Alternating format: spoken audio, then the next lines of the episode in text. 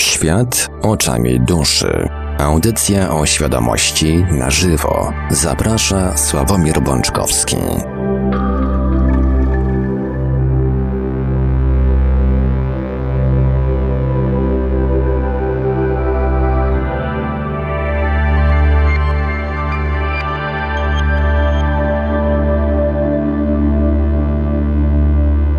Drodzy Państwo, to jest jeden z tych dni, kiedy naprawdę człowiek nie wie, jak ma rozpocząć audycję. Wszyscy wiemy, co się stało wczoraj w Gdańsku. Wszyscy wiemy, że dzisiaj niestety prezydent Paweł Adamowicz odszedł w tragicznych okolicznościach. E, z tego co wiadomo, będzie ogłoszona niedługo żałoba e, na terenie Gdańska przez trzy dni bodajże, a dzień pogrzebu prezydenta Adamowicza będzie dniem żałoby narodowej.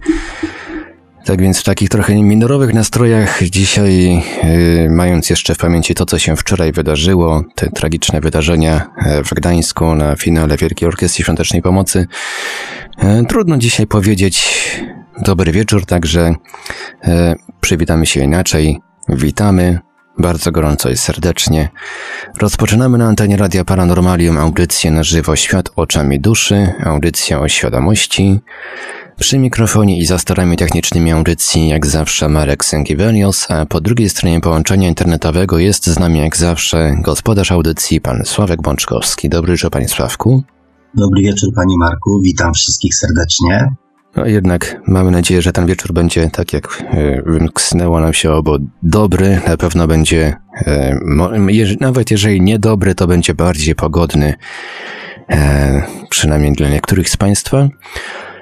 Zanim przejdziemy do e, dzisiejszej, do tematu dzisiejszej audycji, który oczywiście pan Sławek za chwilę pewnie poda, e, podam kontakty do Radia Paranormalium. E, nasze numery telefonów warto zapisać sobie już teraz, chociaż linię telefoniczną będziemy otwierać jak zawsze około godziny 21. Nasze numery telefonów to stacjonarny 32 746 0008, 32 746 0008, komórkowy 536 20 493, 536 20 493, skype radio.paranormalium.pl Jesteśmy także na czatach Radia Paranormalium na www.paranormalium.pl oraz na czacie towarzyszącym naszej transmisji na YouTube. Można także nas spotkać na Facebooku, na fanpage'u Radia Paranormalium i na grupach Radia Paranormalium oraz czytelników Nieznanego Świata, a jeżeli ktoś woli, to może nam także wysyłać pytania, komentarze, no i różne inne wiadomości odnoszące się do audycji, czy też do tematyki świadomościowej ogólnie, na nasz adres e-mail radiomałpa-paranormalium.pl Panie Sławku, oddaję panu głos. Dziękuję bardzo, panie Marku. Jeszcze raz Was witam wszystkich bardzo serdecznie, kochani. E, I zaskoczę trochę pana Marka, bo nie podam teraz e, tematu audycji, ponieważ, e, ponieważ dzisiaj tak naprawdę będzie audycja wielowątkowa. Ja nie odniosę się jeszcze no, do tego, co się, co się wczoraj wydarzyło. Nie rozpocznę od tego audycji, ale, ale ponieważ mam też pewne przemyślenia, to pozwolę sobie e, podzielić się nimi z Wami na, pod koniec audycji. A teraz, mm, a teraz bierzmy się do roboty. Mm, tak sobie zapisałem tą trzynastkę, która nam towarzyszyła w poprzedniej audycji i trzynastka, na przykład według Majów, to jest zakończenie pewnego, pewnego etapu i podsumowanie tego, co w tym 13-dniowym czy 13-miesięcznym okresie się wydarzyło. I to podsumowanie ma służyć wyciągnięciu wniosków i po to, żeby mądrze rozpocząć następny etap nauki, doświadczeń. I tydzień temu mieliśmy 13 audycję na antenie radia Paranormalium. Jakoś zupełnie przypadkiem w Waszych komentarzach e, pod, pod audycją na YouTubie i, i podczas e, bardzo ciekawej, ciekawej dyskusji na czacie podczas trwania audycji pojawiło się kilka mm, bardzo cennych i wartościowych bądź bądź prób podsumowań, bądź pytań, bądź właściwie nawet i samych podsumowań tego, mm, o czym do tej pory rozmawialiśmy. E, być może nie wszyscy słuchacze śledzą i czytają pojawiające się komentarze e, i dyskusje na czacie, więc pozwolę sobie dzisiaj mm, to trochę podsumować ja i trochę przypomnieć tym, którzy, e, którzy zapomnieli i naświetlić to tym, którzy tego nie czytają. Tak ogólnie to właśnie dzisiejszą audycję chcę poświęcić tematom, których, tak przyznam Wam uczciwie, nie chciałem poruszyć. Ale ponieważ obiecałem się dzielić z Wami wszystkim, co wiem, e, nadszedł e, czas na poruszenie kilku tematów nie z tej ziemi. Pewnie zapytacie, dlaczego teraz, i powiem wam, bo wiem, że żeście mnie tam namawiali, podpytywali w różnych tam, w różnych formach, zazwyczaj z jednym skutkiem. E, a więc dlaczego teraz? Powody są w zasadzie dwa. Pierwszy to taki, że do niedawna tego, o czym dzisiaj powiem, po prostu nie wiedziałem. A raczej nigdy wcześniej się nad tym nie zastanawiałem i nie szukałem odpowiedzi na te pytania, które, które wy mi zadaliście. Dopiero wasze pytania, komentarze, sugestie, teorie e, skłoniły mnie do tego, żeby się nad tym pochylić. Drugi powód jest taki, że no w sumie nie ruszymy dalej, e, nie wyjaśniając sobie kilku kwestii, na bazie których będziemy mogli kontynuować nasze dalsze rozważania i przemyślenia, budować jakieś tam nasze, nasze własne teorie. Tyle w temacie wyjaśnień. Bierzmy się do roboty, bo tematyka dzisiejszego odcinka, tematyki w zasadzie dzisiejszego odcinka są nie, nie tylko wa ważne, ale też dość obszerne. A ja tak już o godzinie 23.33 zaczynam mieć wyrzuty sumienia, że przeze mnie się nie wyśpicie. O czym dzisiaj nie powiem, chociaż obiecałem.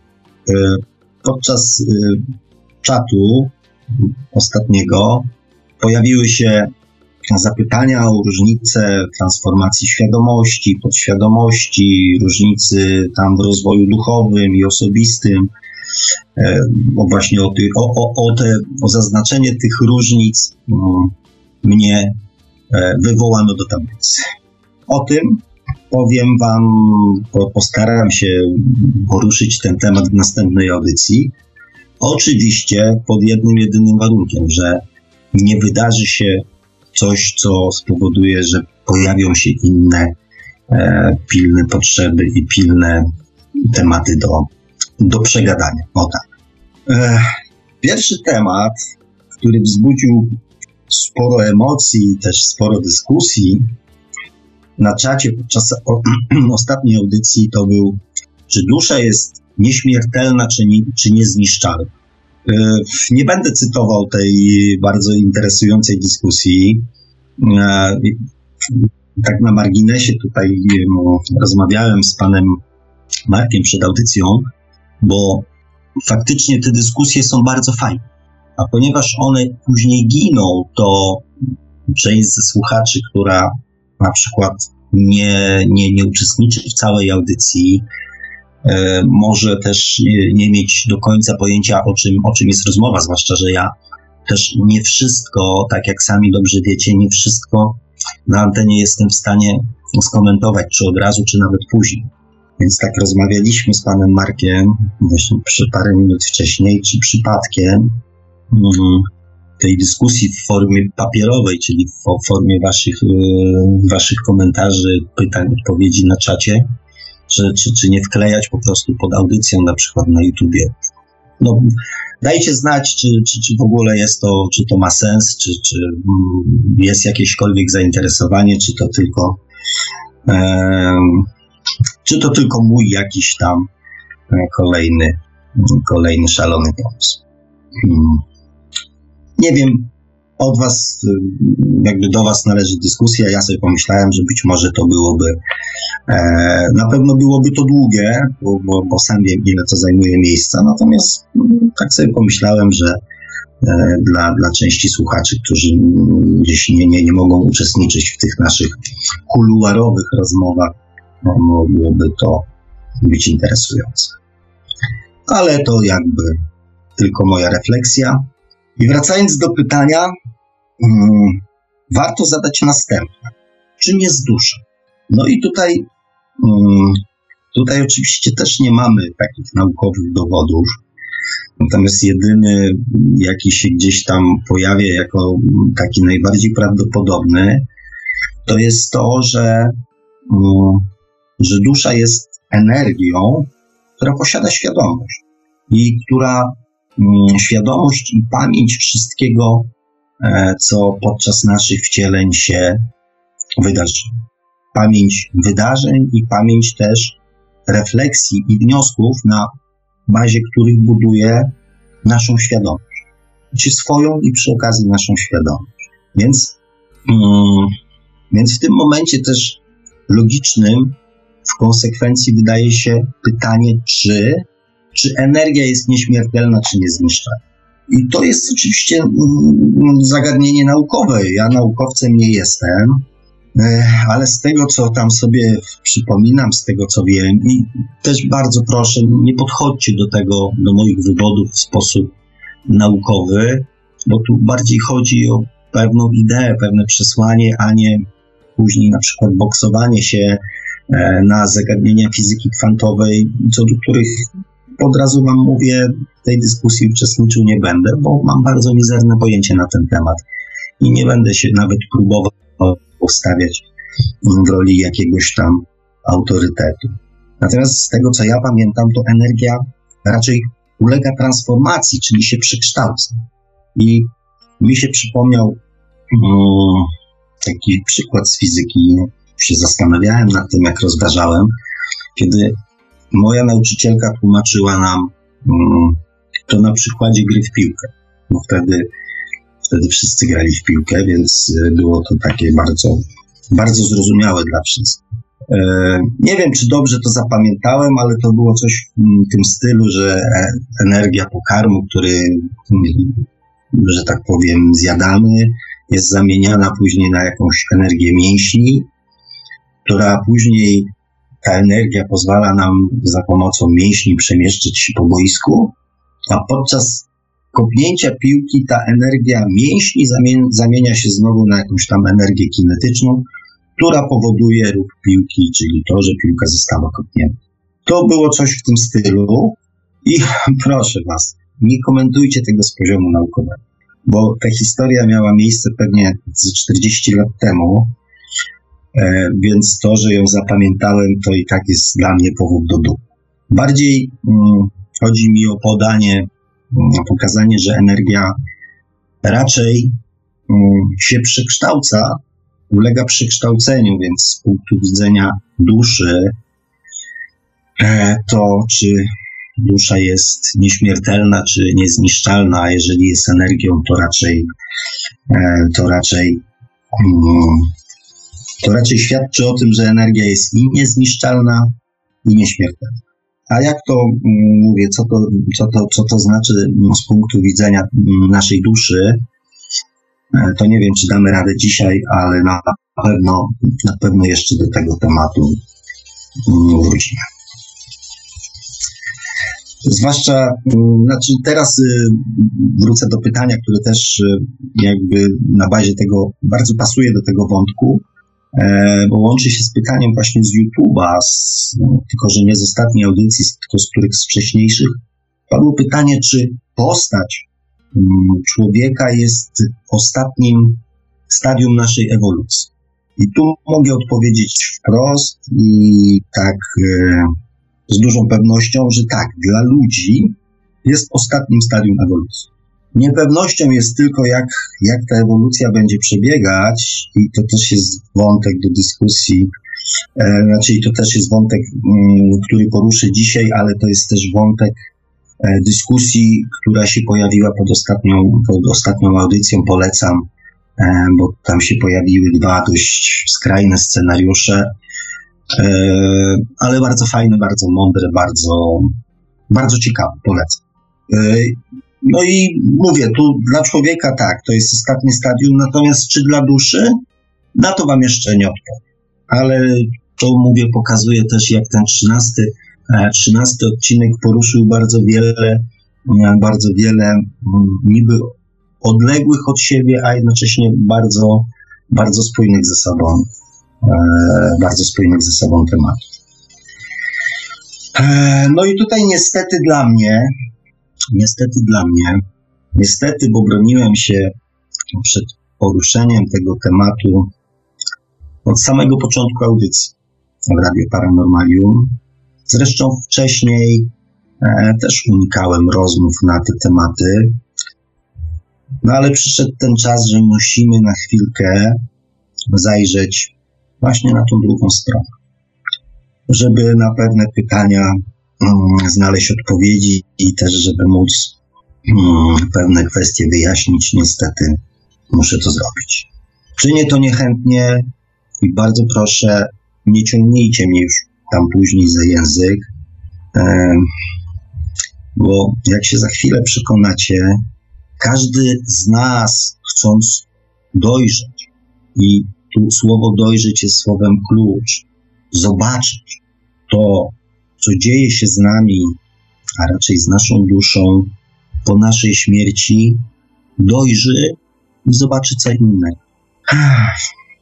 Ciężko wzdycham, bo liczyłem, że może ktoś zadzwoni i jednak nie poruszymy tego tematu.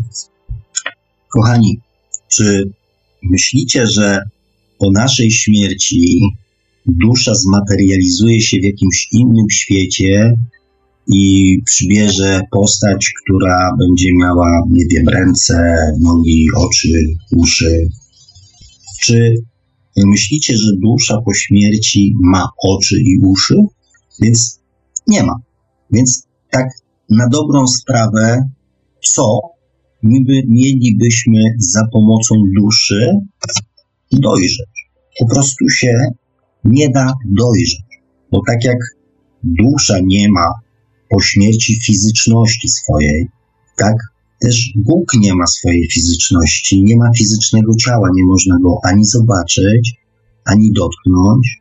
Tak jak nie można zobaczyć ani dotknąć niczego po naszej śmierci. Po naszej śmierci przechodzimy, po naszej śmierci fizycznej, przechodzimy do świata, gdzie istnieją tylko odczucia i emocje. I pewnie część z Was czuje się zawiedziony. Być może część z Was zmartwiłem tą informacją. Na pewno tych, którzy liczyli, że po śmierci e, spotkają swoich bliskich, zwłaszcza tych, którzy, których kochali tutaj na ziemi, za którymi mm, obecnie, nie wiem, tęsknią na przykład, których im tutaj, tutaj na ziemi najbardziej brakuje.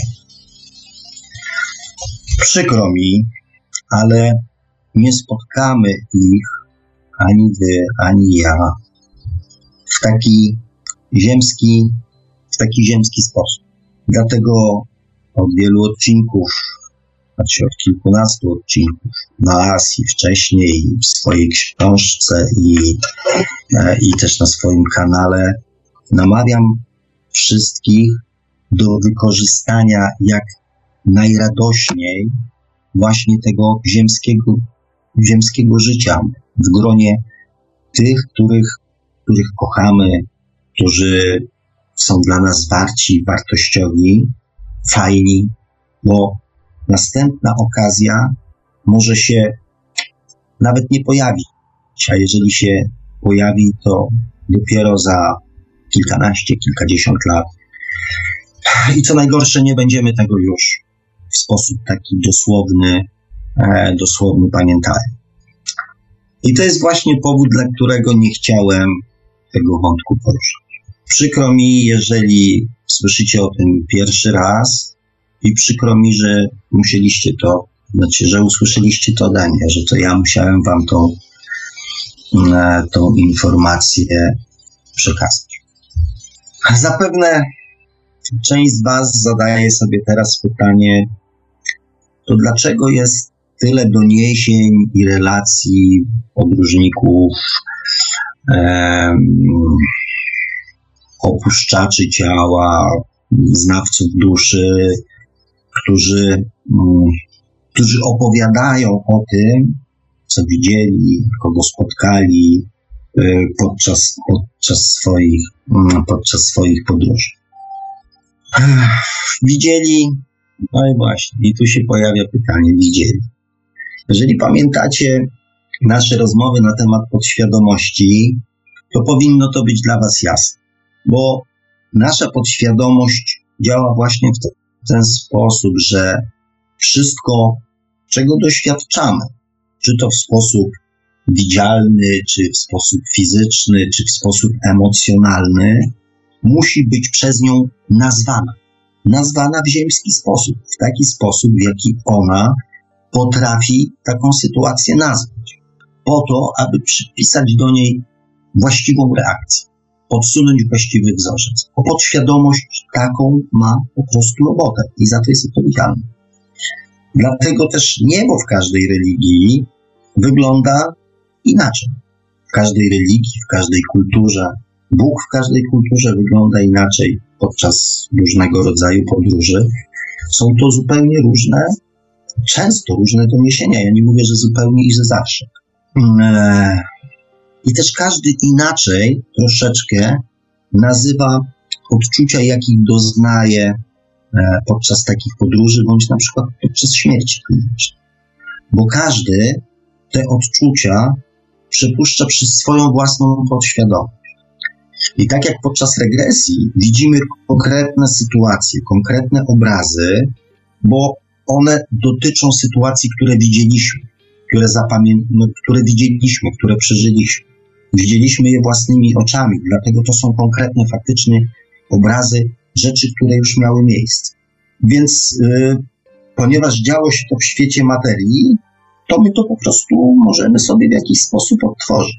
W świecie duchowym, w świecie energetycznym już tak to nie działa, ponieważ odczuwamy, ponieważ tylko odczuwamy w sposób emocjonalny. I nie ma do tego żadnego obrazu i nie ma do tego um, żadnych fizycznych doznań. Jeżeli prześledzicie opisy doświadczeń, jakie przeżywali ludzie podczas śmierci klinicznych, na przykład 40 lat temu, kiedy podstawowym takim wątkiem e, pojawiającym się był tunel ze światełkiem, e, tak na przestrzeni lat te e, wizje się troszeczkę zmieniały. I teraz na przykład, nie wiem, grono newtonowców widzi, jak wita nas nasz przewodnik, jak nauka odbywa się w poszczególnych klasach, jak są opiekunowie, jak, jak są duszyczki pogrupowane w klasach i tak dalej, tak dalej że jakaś tam rada starszych, która odprawia jakiś tam sąd, no więc te w zależności od. Ja nie chcę nikogo tutaj urazić, bo ja nie uważam, że to jest coś złego, bo, bo te wszystkie doświadczenia są ważne, bo pokazują nam, że faktycznie tam coś jest. Pozwalają naszej podświadomości e, obcować z czymś, z czym ona do tej pory nie miała. Mm, nie miała żadnej styczności, więc to są fajne, naprawdę ważne E, ważne, ważne rzeczy, natomiast i dlatego nie chcę nikogo urazić, żeby nikt nie poczuł się tutaj w tej chwili, że ja w jakiś sposób bagatelizuję, czy próbuję um, ośmieszyć to wszystko. Broń Boże, nic z tych rzeczy. Uważam i wielkim szacunkiem darzę ludzi, którzy chcą się dzielić, którzy zdobywają się w ogóle na, na, na, na takie, na próbę takich doświadczeń. Więc mówię tutaj całkiem poważnie, ale staram się to ubrać jak zwykle w jak najdelikatniejsze słowa i nic nie, nic nie umniejszam tutaj swoimi, swoją wypowiedzią, tylko bardziej chodzi mi o to, że, że czasami mm, te obrazy, te relacje są przewartościowane. I te, te, te zmiany tych, e, tych wizji pokazują, że tak naprawdę one bardzo dużo mm, zależą od e, właśnie od naszej świadomości, naszej podświadomości. I one też się zmieniają. Ja nie śledzę tego na bieżąco, nie jestem też e, jakimś, jak wam mówiłem, osobą, która bardzo dużo czyta i, i te informacje wygrzebuje gdzieś tam w internetach i w książkach. Natomiast no, no siłą rzeczy gdzieś coś tam Mm, ktoś coś powie, coś usłyszę, coś sobie przemyślę, coś zobaczę. E, więc, więc coś tam do mnie dociera i widzę, jak to się na przestrzeni, e, na przestrzeni kilkudziesięciu lat e, zmieniło. I mm, chodzi o to, że każdy z nas, czy ze względu na religię, czy ze względu na kulturę, czy nawet ze względu na swój ateizm, ma jakąś wizję nieba, ma jakieś wyobrażenie tego, które gdzieś usłyszał, które gdzieś przeczytał, z którym się spotkał w czasie rozmów. I przez pryzmat tej wiedzy, przez pryzmat tej wiedzy zapisanej w podświadomości, tak właśnie później sobie interpretujemy, czyli nasza podświadomość interpretuje doznania, jakich doświadczamy po tamtej stronie. I to jest właśnie też jeden z powodów, dla których, mm, dla których ja nie chciałem zbytnio świadomie zgłębiać się właśnie no, w tą tajemną wiedzę, po to, aby mieć później właśnie przekonanie, że, że to, co czuję, to, co widzę, jest, jest moje, a nie, mm, że płynie ze mnie, i pozostaje dalej w sferze takich odczuć duchowych, a nie przypisanych, e, a nie przypisanych im przez e, moją podświadomość jakichś obrazów czy jakichś wzorców. Więc skoro zabrnęliśmy już tak daleko, to troszeczkę opowiem Wam, jak mm, to jest właśnie po naszej śmierci. E, ale najpierw takie malutkie przypomnienie z poprzedniej mm, audycji. Rozmawialiśmy o intencjach, teraz powiedzcie mi tak z ręką na sercu, kto miał chociażby, chociażby chwilkę czasu i ochoty, aby nad tymi swoimi intencjami się zastanowić. No i tu jest właśnie ten moment, kiedy zaczynam żałować, że to nie są warsztaty. Mógłbym, nie wiem, kogoś, e, e, kogoś wywołać na przykład do tablicy, do odpowiedzi. A tak poważnie, to chodzi mi o to, że te nasze intencje E, te prawdziwe pozwolą nam w pewien sposób zrozumieć to, co za chwilę spróbuję opisać. Po naszej śmierci mm, nasza podświadomość, ta, która na Ziemi podpowiada i odpowiada tak naprawdę za wszystko, co robimy, co jest dobre, słuszne, jak należy postępować, przestaje istnieć w sensie przestaje istnieć w sensie narzucania nam reakcji. Umiera. Umiera wraz z naszym mózgiem i resztą naszego ciała fizycznego. Więc jak myślicie, co zabieramy ze sobą na tamtą stronę? Co zabieramy ze sobą po naszej śmierci? Ech.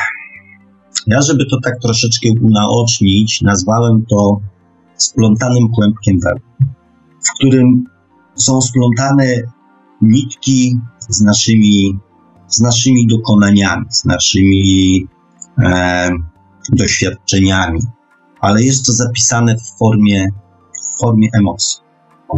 I teraz musimy ten kłębek rozplątać.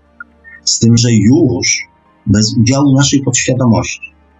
I właśnie wtedy przyglądamy się naszym prawdziwym intencjom, które towarzyszyły nam w każdej sytuacji naszego ostatniego przeżytego życia. Mało tego, poznajemy też intencje innych świadomości, które w tych sytuacjach uczestniczyły.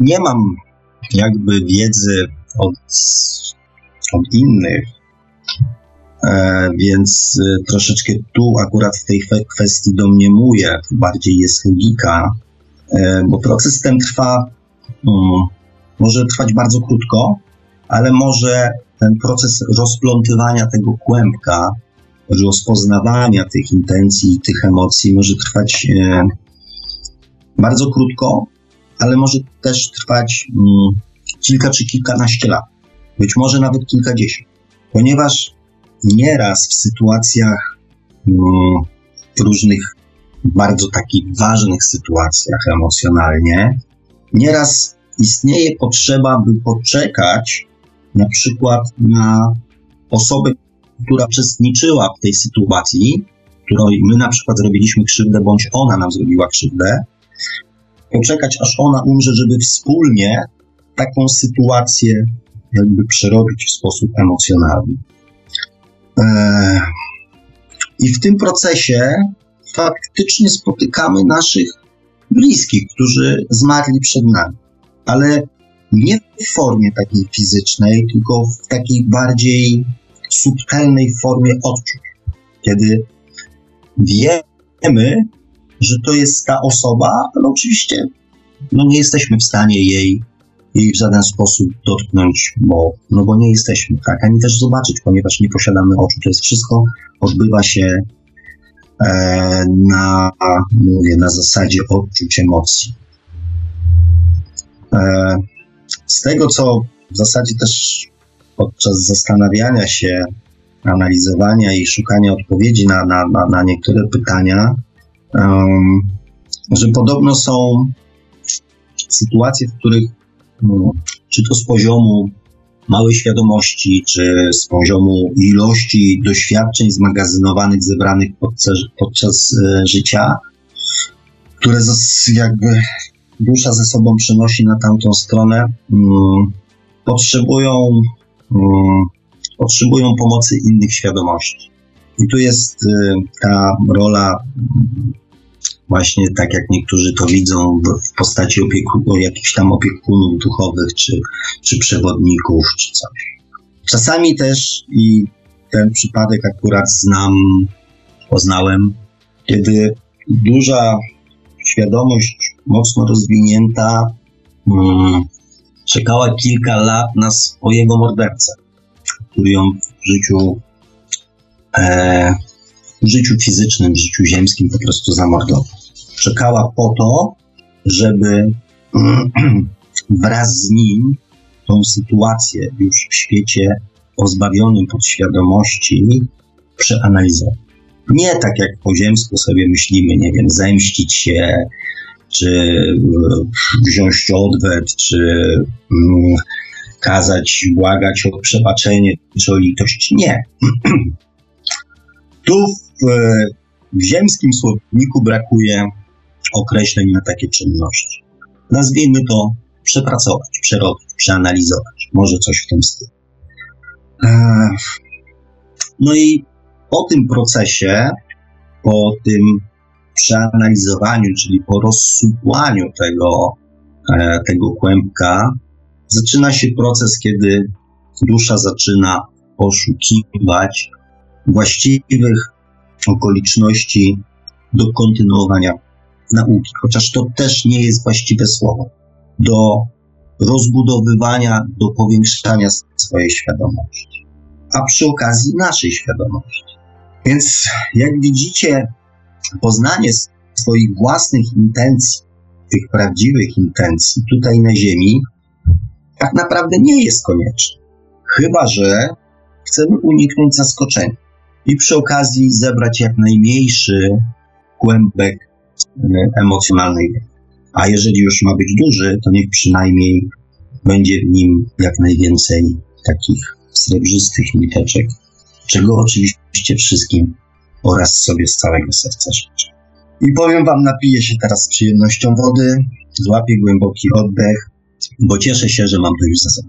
I skoro już jakby sobie powiedzieliśmy o tym, jak funkcjonuje dusza po naszej śmierci, to być może też łatwiej będzie zrozumieć, jak funkcjonuje, jak współpracuje z nami tutaj na Ziemi. I ponieważ ja też potrzebuję troszeczkę takiego oddechu emocjonalnego, to to spróbuję tą może smutną atmosferę jakoś, jakoś rozładować. Czy wiecie, jak działa na przykład, nie wiem, radio, telewizja, telefon? Pewnie Was trochę zaskoczyłem tym pytaniem, bo oczywiście yy, większość, pewnie wszyscy wiecie, tak? No może nie tak specjalistycznie, ale ogólnie, ogólnie to wszyscy, yy, wszyscy raczej wiemy. Gdzieś tam ktoś coś tam nagrywa, coś mówi, to później gdzieś tam zostaje zamienione za pomocą jakichś urządzeń na jakieś tam fale i później przesłane i znowu gdzieś tam w jakimś naszym końcowym urządzeniu zamienione na obraz bądź dźwięk, bądź tada, proste. Pewnie, że tak. Zwłaszcza dzisiaj. Ale jeszcze tak stosunkowo niedawno zaskakującym by było pytanie, czy to jest w ogóle możliwe. E, jak powiedzmy sobie szczerze, aż taki stary nie jestem, początków e, telewizji, czy radia, czy telefonu mm, takiego kablowego możemy, mm, znaczy ja nie pamiętam, e, tak telefon bez kabla, czyli ten, ten telefon komórkowy pojawił się stosunkowo niedawno, gdzie ja się powiedzmy wychowywałem w czasach, kiedy w ogóle telefon był luksusem, a o tym, że nie wiem, można telefon ze sobą zabrać, no, nie wiem, do samochodu albo na spacer, to nawet, y, to nawet w filmach science fiction tego nie. Więc, y, więc szybko przyzwyczailiśmy się do cudów i jakby przestajemy się nad tym zastanawiać, bo tak naprawdę czyż nie jest cudem, że, że kilka tysięcy, kilka, kilkanaście czy kilkadziesiąt tysięcy kilometrów od nas Ktoś coś do nas mówi, a my to słyszymy, czy nawet już widzimy, w zasadzie natychmiast. Pamiętajcie, że mówimy tu o przemieszczaniu się głosu oraz, nie wiem, obrazu, o jakichś tam falach bodajże elektromagnetycznych, e, które się przemieszczają w atmosferze ziemskiej w większości e, i są wielokroć bodajże wolniejsze od prędkości światła w próżni, a już zdecydowanie wolniejsze od cząsteczki energii. I po co o tym piszę? Znaczy piszę, mówię. Bo to jest informacja dla tych, którzy chcieliby, nie wiem, zapytać mnie w swojej duszy. Mówię wam, nie ma szans. Po pierwsze dlatego, że jej nie widać, więc, yy, ciężko szukać czegoś, czego nie widać.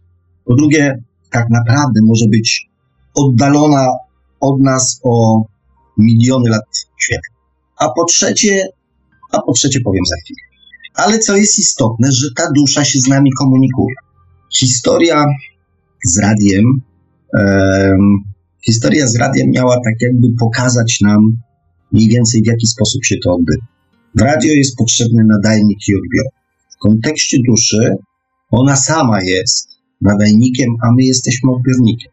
I aby się z tą duszą komunikować, mówiąc fizycznie, trzeba zestroić nadajnik z odbiornikiem. To po to, żeby słyszeć wyraźnie.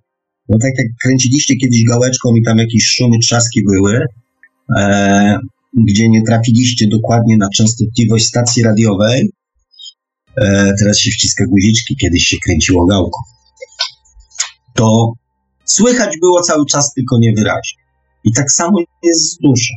To, co powiedziałem, um, powiedziałem wam, jak to wygląda po naszej śmierci, to to nie wygląda tylko tak po naszej śmierci, ale również tutaj, tutaj podczas naszego życia. W ten sposób, w ten subtelny sposób pewnych odczuć, pewnych, e, pewnych emocji dusza komunikuje się z nami. No więc właśnie, dlatego poznając samego siebie, zrozumiecie, że to, co mówię, jest prawdą. Że ona cały czas e, do nas, e, cały czas ona do nas nadaje. I to jest właśnie to po trzecie, że nie ma sensu szukać duszy, bo ona jest cały czas z nami. I teraz, jak już rozmawiamy o różnych takich tematach nie z tej ziemi, to też powiem Wam, według mojej wiedzy, według mojej też logiki, według moich obserwacji, e, to umiejętność komunikowania się z własną duszą nie jest tak naprawdę celem ostatecznym, ponieważ w świecie pozbawionym, w świecie energii, w świecie dusz pozbawionym podświadomości, potrafimy komunikować się z innymi świadomościami, nie używając do tego ani słów, ani rąk, ani, ani żadnych zmysłów. I wydaje mi się, że celem jest to, abyśmy potrafili to zrobić również tutaj na Ziemi. Ale, ale wydaje mi się, że do tego jeszcze troszeczkę, mm, troszeczkę mm, wody w Wiśle musi upłynąć, e, że ta droga mm, jeszcze przed nami. No i teraz jest pytanie następne, które się pojawiło, jak ona będzie przebiegać. Jak ta nasza droga będzie przebiegać. E, I o tym też za chwilę. E, bo skoro już jakby jesteśmy przy tym, to, to odnośnie wątku, który poruszyłem odnośnie kurczącego się czasu, e, bo ten się właśnie pojawił na YouTubie i był nawiązaniem do jednej z wcześniejszych e, audycji i obiecałem go dzisiaj poruszyć. Zwłaszcza, że zbiegł się też pięknie z jednym z komentarzy do ostatniej audycji, chociaż przyznam szczerze, że wizja w nim przedstawiona nie do końca mi się podoba. E, na szczęście nie tylko mi, ale, ale do rzeczy. Niedawno wspominałem, że nasz czas się kurczy. W domyśle chodziło mi, mm, że pewien etap dobiega końca. Dobiega końca ten poprzedni etap rozwoju, mm, czyli ewolucji ludzkości, a ten nowy to już tak naprawdę się zaczął. Mm, przepraszam, że tak mówię, no troszeczkę motam, ale jest to kolejny wątek, którego, którego też nie chciałem poruszyć. W sumie nadal kombinuję, jakby go tutaj uniknąć. W sumie ja mam mam ten komfort, że no, mogę po prostu zmienić temat, tak? Ale my już jako ludzie, jako ludzkość, jako cywilizacja już, mm, już takiego, e, takiej luksusowej sytuacji nie, mm, w takiej luksusowej sytuacji nie jesteśmy i ten kolejny krok zrobić musimy. I pytanie w jakim kierunku? Znaczy kierunek jest w zasadzie jeden, natomiast scenariuszy niestety nadal jest kilka. E, I też żaden, żaden też w moim przekonaniu nie jest pewny. Natomiast pewne jest to, że w tym kierunku, w którym zmierzamy, czy tam jeszcze próbujemy zmierzać, e, na którym zmierzaliśmy przez ostatnie kilka tysięcy lat, pójść nie możemy. Znaczy, nie możemy pójść, e, bo jeżeli pójdziemy, to po raz kolejny zakończymy, że tak powiem, swój etap rozwoju na etapie dusz młodych i zaczniemy być może wszystko od nowa. Być może, bo ja tego bo ja tego nie wiem. natomiast, że e, i to są pewne punkty, które wypisałem sobie jeszcze wczoraj, więc wam o nich powiem. Bo dzisiaj troszeczkę może, może zdanie zmieniłem troszeczkę. Najprawdopodobniej czeka nas jakieś niemiłe doświadczenie jako ludzkość. Dlaczego mówię, że niezbyt miłe? Ponieważ jesteśmy z natury ignorantami, którzy nie potrafią budować swojej mądrości na rzeczach dobrych. Przykre jest to, ale tak naprawdę, ale tak naprawdę prawdziwe. I co prawda wizje końca świata pojawiają się już coraz rzadziej, ale już wizje globalnej wojny znowu zaczęły gdzieś tam przybierać na sile. I chociaż nie mówi się już o wykorzystaniu bomby broni nuklearnej to nie wiem, broń chemiczna czy broń biologiczna może być e, tak naprawdę jeszcze skuteczniejsza e, w zniszczeniu życia na Ziemi. Równie w sumie tragiczna w skutkach e, może się okazać wojna w cyberprzestrzeni, bo, bo chaos, który mm, może w takiej sytuacji zapanować, może być albo nie do powstrzymania, albo, albo bardzo trudne do powstrzymania. Niestety również dużym zagrożeniem są też kataklizmy przyrodnicze czy, czy, czy jakieś anomalie atmosferyczne. Dlatego uważam, że jako ludzkość stąpamy po bardzo, bardzo cienkim lodzie. I uwierzcie mi, że nie chodzi mi um, tutaj, aby kogokolwiek straszyć. Jak wspomniałem, niechętnie poruszam ten temat, jednak patrząc trochę na przeszłość, trochę na teraźniejszość, wnioski w sumie nasuwają się niestety same. Liczebność ludzi na Ziemi osiągnęła też już mm, dość wysoki e, dość wysoki poziom i to w ciągu e, i to w ciągu 100 lat czterokrotnie podwoiliśmy e, swoją liczebność jako ludzie, tak? Mm, zasoby na ziemi się kurczą, transformacja podświadomości też następuje opornie. W dalszym ciągu u władzy są dusze młode. One też w rękach trzymają mm, większość pieniędzy, która jest na ziemi. E, pieniędzy, które są wykorzystywane do zarabiania jeszcze większych pieniędzy. E, skala manipulacji ludźmi osiąga już moim zdaniem monstrualne rozmiary. Więc w jakim kierunku zmierzamy? Ewolucja ludzkości ma iść w kierunku pojawienia się, pojawienia się na Ziemi większość, większej ilości dusz dojrzałych i starych, aby to one, zgodnie ze swoją świadomością w poszanowaniu, mm, w poszanowaniu innych ludzi, decydowały decydowali o losach Ziemi. Ale jak skłonić do odejścia od władzy i decydowania o tychże losach um, dusze młode? I w obliczu tych, powiedzmy, danych, obserwacji wynikających no, z tego, co się dzieje, tak? E, e, ludzi na przestrzeni ostatnich kilku tysięcy lat i obecnej sytuacji, z punktu widzenia rozwoju duchowego, czekają nas jeszcze wydarzenia, które zmienią sposób patrzenia na świat. Tak ten ziemski, jak i duchowy.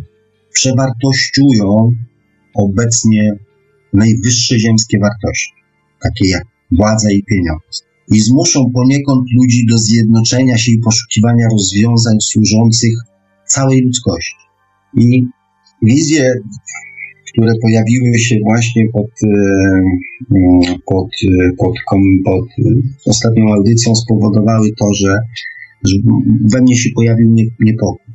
Aczkolwiek, e, aczkolwiek pojawiły się też przyjemne scenariusze. Dla mnie najprzyjemniejszym byłoby udowodnienie na przykład istnienia duszy czy Boga, lub na przykład pojawienie się na Ziemi istot, które zmieniłyby nas sposób myślenia o sobie, o wszechświecie lub um, jakiekolwiek inne, które w miarę bezboleśnie skierowałyby ludzkość na drogę um, rozwoju w atmosferze wzajemnego szacunku i miłości. Tego oczywiście to oraz e, wszystkim jak najbardziej z całego serca życzę. Ale patrząc na naszą historię ludzkości, i na naszą ludzką naturę, prędzej spodziewam się jakiegoś kataklizmu, który pokaże ludziom, że żadne technologie, żadne pieniądze, żadna władza nie jest w stanie ustrzec nas przed, na, przed samymi, przed nami samymi, przed naszą własną głupotą, zarozumialstwem, brakiem szacunku, egoizmem, i chęcią bycia najlepszym i najmądrzejszym. Nasza, nasza cywilizacja tworzy zwycięzców, ale też tworzy ofiary, które zawsze będą chciały odwrócić, zamienić rolę. Że pojawi się coś, że ludzie zrozumieją, że żadna władza nie trwa wiecznie i że ludźmi nie da się manipulować w nieskończoność. I że w obliczu jakiegoś zagrożenia potrafimy się zjednoczyć, wspólnie działać i wtedy wszystko, podziały polityczne, jakieś anse, kolory skóry, wanse i pieniądze i tak dalej, to wszystko schodzi na drugi plan. Niestety z punktu widzenia też rozwoju naszej świadomości, niestety historia pokazuje, że na bazie takich właśnie olbrzymich i globalnych, tragicznych przeżyć, jak na przykład II wojna światowa, następuje olbrzymi przeskok w rozwoju świadomości tak, tak pojedynczych osób, jak i, jak i całej ludzkości. Cały czas wierzę, że unikniemy kolejnej wielkiej tragedii i że coraz większa ilość dojrzałych świadomości spowoduje, że będziemy potrafili dokonać zmian na Ziemi w sposób bardziej cywilizowany. I mm, teraz to to są moje przemyślenia z dnia wczorajszego. częściowo sobie zapisałem i częściowo sobie je tutaj troszeczkę punktuję, żeby, żeby za długo się nie jąkać i nie męczyć was, was swoim cmukaniem. Częściowo sobie pewne rzeczy wynotowywuję i mówię, to jest, to są moje wczorajsze zapiski.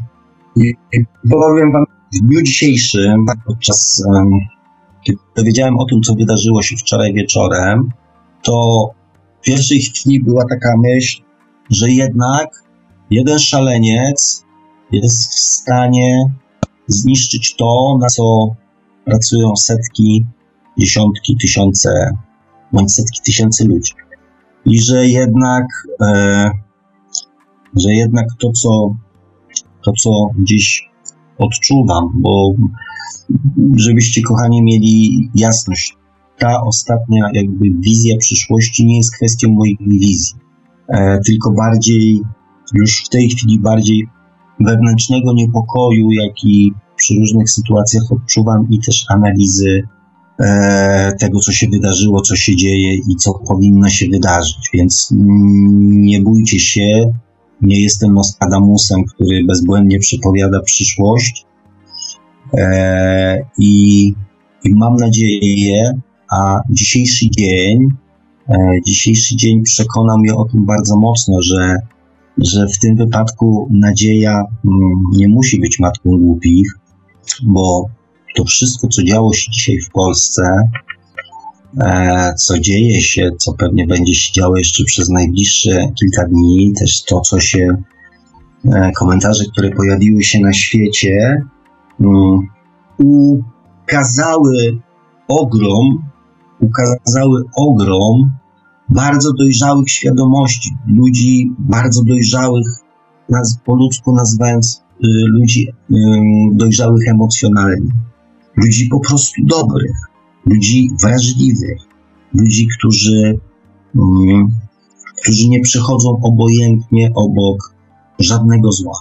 I to pokazało, że jednak jest olbrzymi potencjał że jest olbrzymi potencjał, że jest olbrzymia duchowa moc w ludziach, w społeczeństwie, że to już nie są jednostki, że to są naprawdę prawdziwe tłumy ludzi na całym świecie, którzy nie zgadzają się z niesprawiedliwością, ze złem, ze zbrodnią, którzy chcą prowadzić życie bardziej radosne, pozbawione strachu, bardziej świadome, pozbawione przemocy, sprawiedliwe, współczujące.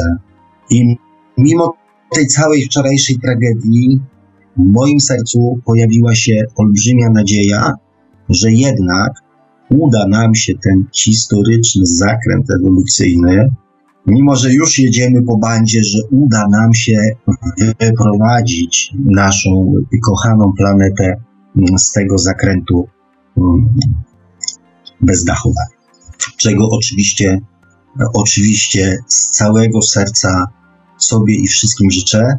I dlatego też um, chciałbym następne audycje poświęcić na rozmowy i na poszukiwanie sposobów, które pozwolą transformować naszą podświadomość w sposób mniej bolesny, abyśmy naszą wiedzę o świecie duchowym potrafili przełożyć na nasze codzienne ziemskie życie.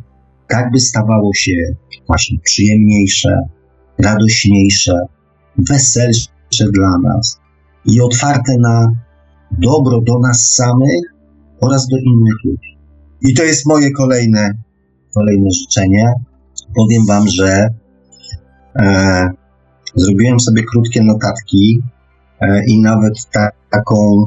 Mm, taką informację sobie napisałem, Sławek, okiełznaj swoje gadulstwo, po to, aby było więcej, takie było moje założenie, żebyśmy mieli więcej czasu właśnie na, gdzieś tam na rozmowy, na, e, na czacie, czy, czy, czy, czy na telefony, czy coś takiego, bo poruszyłem dzisiaj kilka tematów i być może e, będziecie chcieli się podzielić ze mną swoimi przemyśleniami. No i się nie udało nie udało się okiełznać mojego gadulstwa. Także przepraszam Was, e, przepraszam Was, że przeciągnąłem znowu w czasie, ale ale chyba już taki umarł. No i ja bym miał, kochani, na dzisiaj, na dzisiaj na tyle. E, na dzisiaj na tyle. Jeżeli są pytania, jeżeli są telefony, jeżeli są komentarze, jeżeli ktoś e, chciałby ze mną mm, na antenie porozmawiać, to, to serdecznie zapraszam. No i, i było mi jak zwykle niezwykle, kochani. Halo, halo, panie Marku? O, myślałem, że straciłem łączność z panem. Ja sobie Odpalę Messengerka w takim razie. Może pan odpali tego Messengera, a ja tutaj przypomnę kontakty. Prosimy dzwonić pod 530 620 493, 530 620 493, skype radio.paranormalium.pl. Jesteśmy także na gadu gadu pod numerem 36 08 80 02, 36 08 80 02. No i odbieramy teraz e, słuchacza. E, z naszego telefonu komórkowego. Halo, halo, dobry wieczór, Radio Paranormalium, jesteśmy na antenie. Dobry wieczór, z tej strony Kiocel. Witamy e, naszego czytowicza. Witam pana Sławka i witam słuchaczy oczywiście. Przyznaję, że ja już od dłuższego, znaczy od dłuższego czasu się zasadziłem, żeby znowu do pana zadzwonić. Niestety tydzień temu nie mogłem oglądać na żywo, znaczy słuchać na żywo audycji e, słuchałem tylko w formie podcastu. A dzisiaj trochę jestem rozbity, bo jestem gdańszczaninem, tak nie, może to trochę mocniej wyschnęło, ale też i słyszałem w głosie pana Sławka. Słyszałem też w głosie pana Sławka, tak jest trochę, mimo wszystko też taką, nie wiem, czy zadumę, czy, czy trochę smutku w tym wszystkim. Trochę dałem się ponieść. Jest jedno i drugie, panie Piotrze, bo to nie da się, nie da się e, obojętnie przejść e, nad, nad czymś takim, tak. No to chyba się każdemu zresztą udzieliło w takim czy in, w większym czy mniejszym stopniu. Przyznaję, że większość pytań, które miałem przygotowane już wcześniej, już od, od, od zeszłego roku, od ostatniej audycji, bo zaraz po ostatnim moim telefonie się, to mi się gdzieś tam urosniło w głowie. E, I teraz na, może tak nieco chaotycznie będę starał się je przywoływać. E, Spokojnie, ja panie. Tak? Nie, spokojnie, spokojnie, proszę tam jakby mhm. się nie poganiać y, samemu. Bo to, nie, no. pan, pan, pana głos wprowadza mnie w taki spokój, że, że, że generalnie nie gnam, bo zazwyczaj mówię bardzo szybko i bardzo tak no, ekspresyjnie, ale, ale, ale no, pan, pana głos mnie uspokaja, przyznaję. Żeby żona tylko nie była zazdrosna. E, nie, żona nie jest zazdrosna. Całe, całe szczęście. Przynajmniej nie o mężczyzn. Panie Sławku, ja swego czasu pytałem Pana o, o osoby choroby, chore psychicznie, choroby psychiczne, czy, też, czy też e, opętane. E, I teraz mam do, do, do, Pana takie pytanie. Czy my, dopytałem pod kątem, czy takie osoby również e, korzystają z doświadczeń na, na, na tej ziemi. Odpowiedział Pan, że tak. No teraz moje pytanie jest takie, czy takie osoby nie powinniśmy leczyć, czy, czy zostawić ich samym sobie w takim układzie? Mm, znaczy, to jest zawsze, mm, zawsze takie działanie jest y, dwu, dwupłaszczyznowe. To jest tak mniej więcej jak y, z ludźmi bogatymi, z uchodźcami. Żeby mm, móc obudzić w człowieku współczucie, potrzebna jest, potrzebny jest ktoś, kto, e, kto tego współczucia będzie, będzie wymagał. Więc, e, więc y, w przypadku osób chorych, oczywiście one jakby swój proces rozwoju i swoją lekcję muszą odrobić, ale jednocześnie przy okazji ich, powiedzmy sobie szczerze, czasami tragedii, cierpienia e, i dość trudnych takich życiowych e, przeżyć, fajnie jest, jeżeli pojawia się ktoś, kto przy okazji ich cierpienia może też na przykład rozwijać swój, swój poziom empatii. Więc jak najbardziej powinniśmy im pomagać. Bo mówię, bo tu na, na takim doświadczeniu korzystają dwie świadomości. Natomiast oczywiście trzeba, mm, trzeba by było właściwie zrozumieć, jakiej pomocy takie osoby potrzebują. I to jest już trudniejsze. Natomiast pomagać jak najbardziej. Mhm. Okej. Okay. Teraz pytanie zupełnie z innej beczki. Mówi pan, znaczy mówi, no to no, generalnie powtarza się to no, nie tylko w pańskich ustach, ale w wielu teoriach i tak dalej.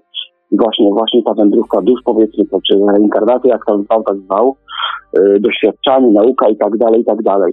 Ale jak o ile dobrze zrozumiałem nauki tam wschodnie, to właściwie oni, dla nich ta wędrówka to jest jakby kara. O, dla nich nagrodą jest wyrwanie się z, tej, tej, z, tego, z tego kręgu yy, odradzania się. Jak to jest?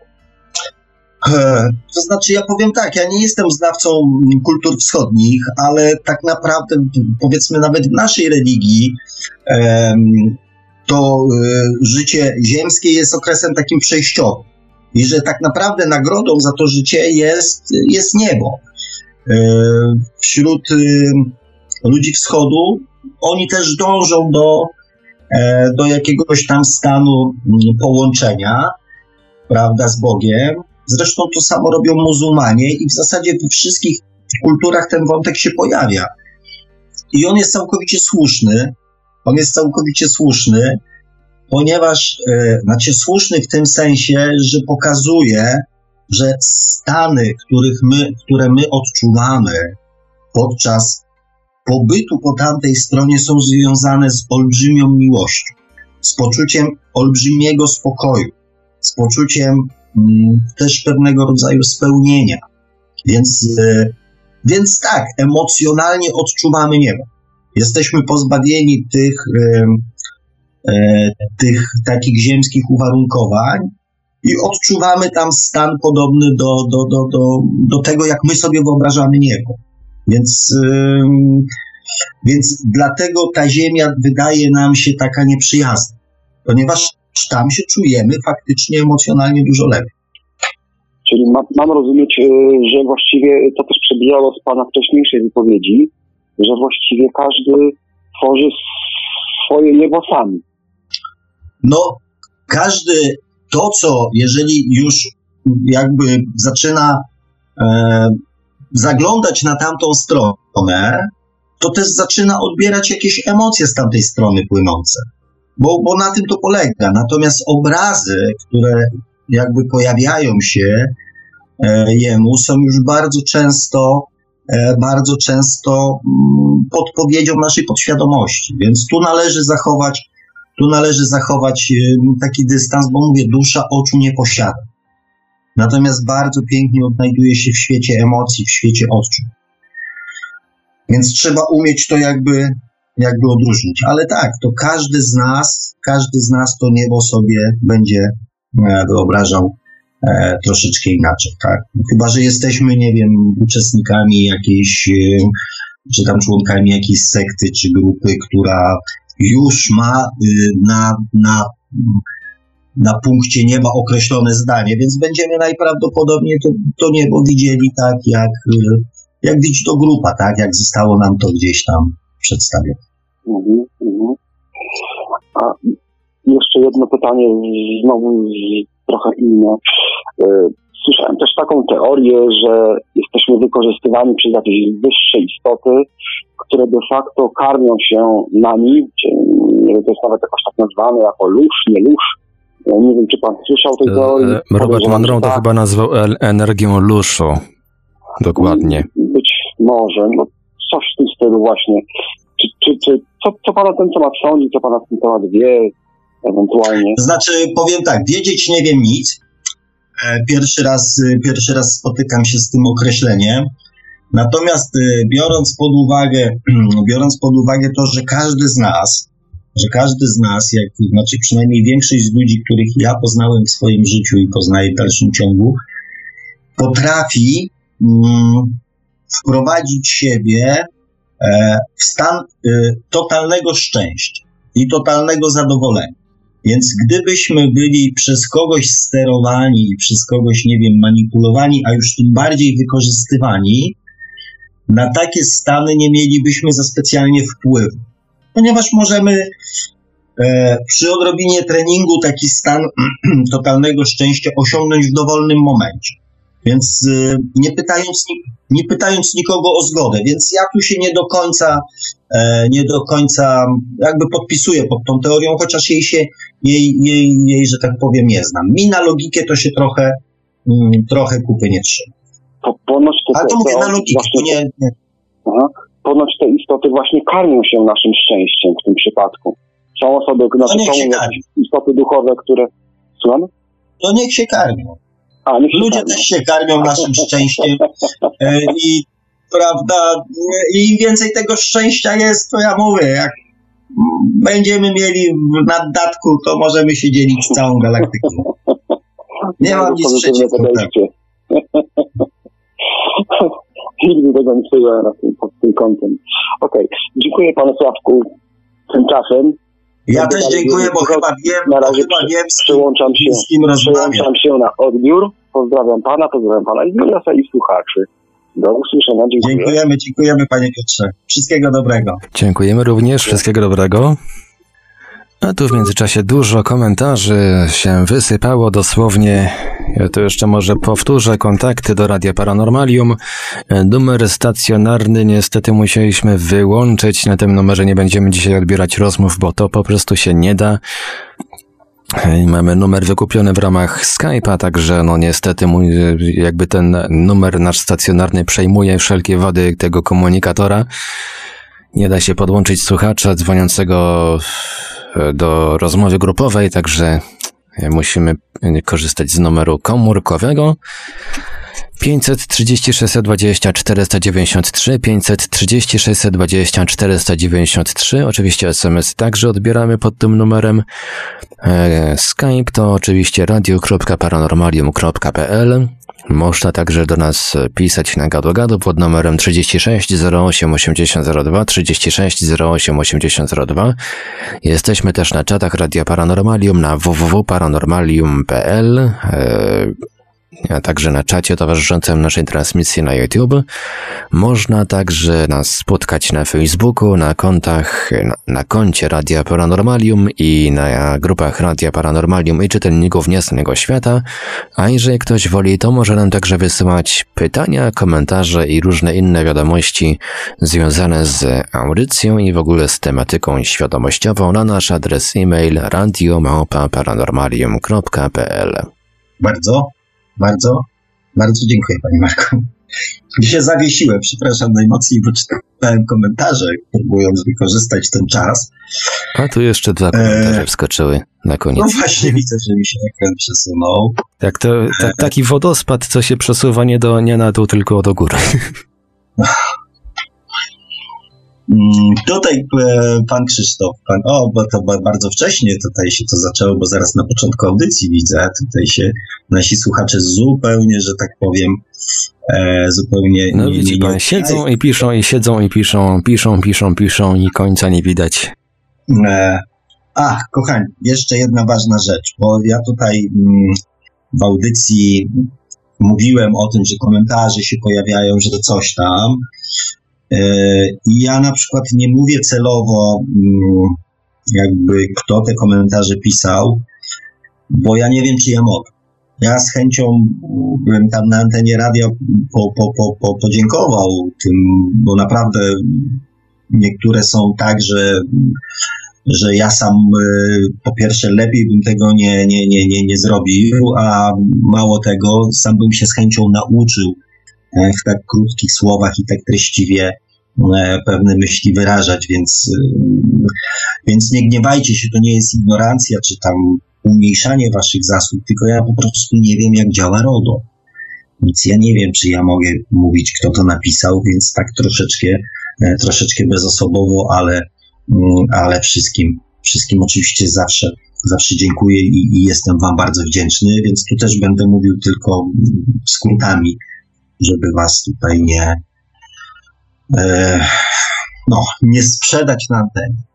Mam pytanie do Pana Sławka. Skąd ma Pan taką wiedzę? Czy zwykli ludzie mogą doświadczyć sami to, co Pan mówi? W jaki sposób można dotrzeć do tych informacji?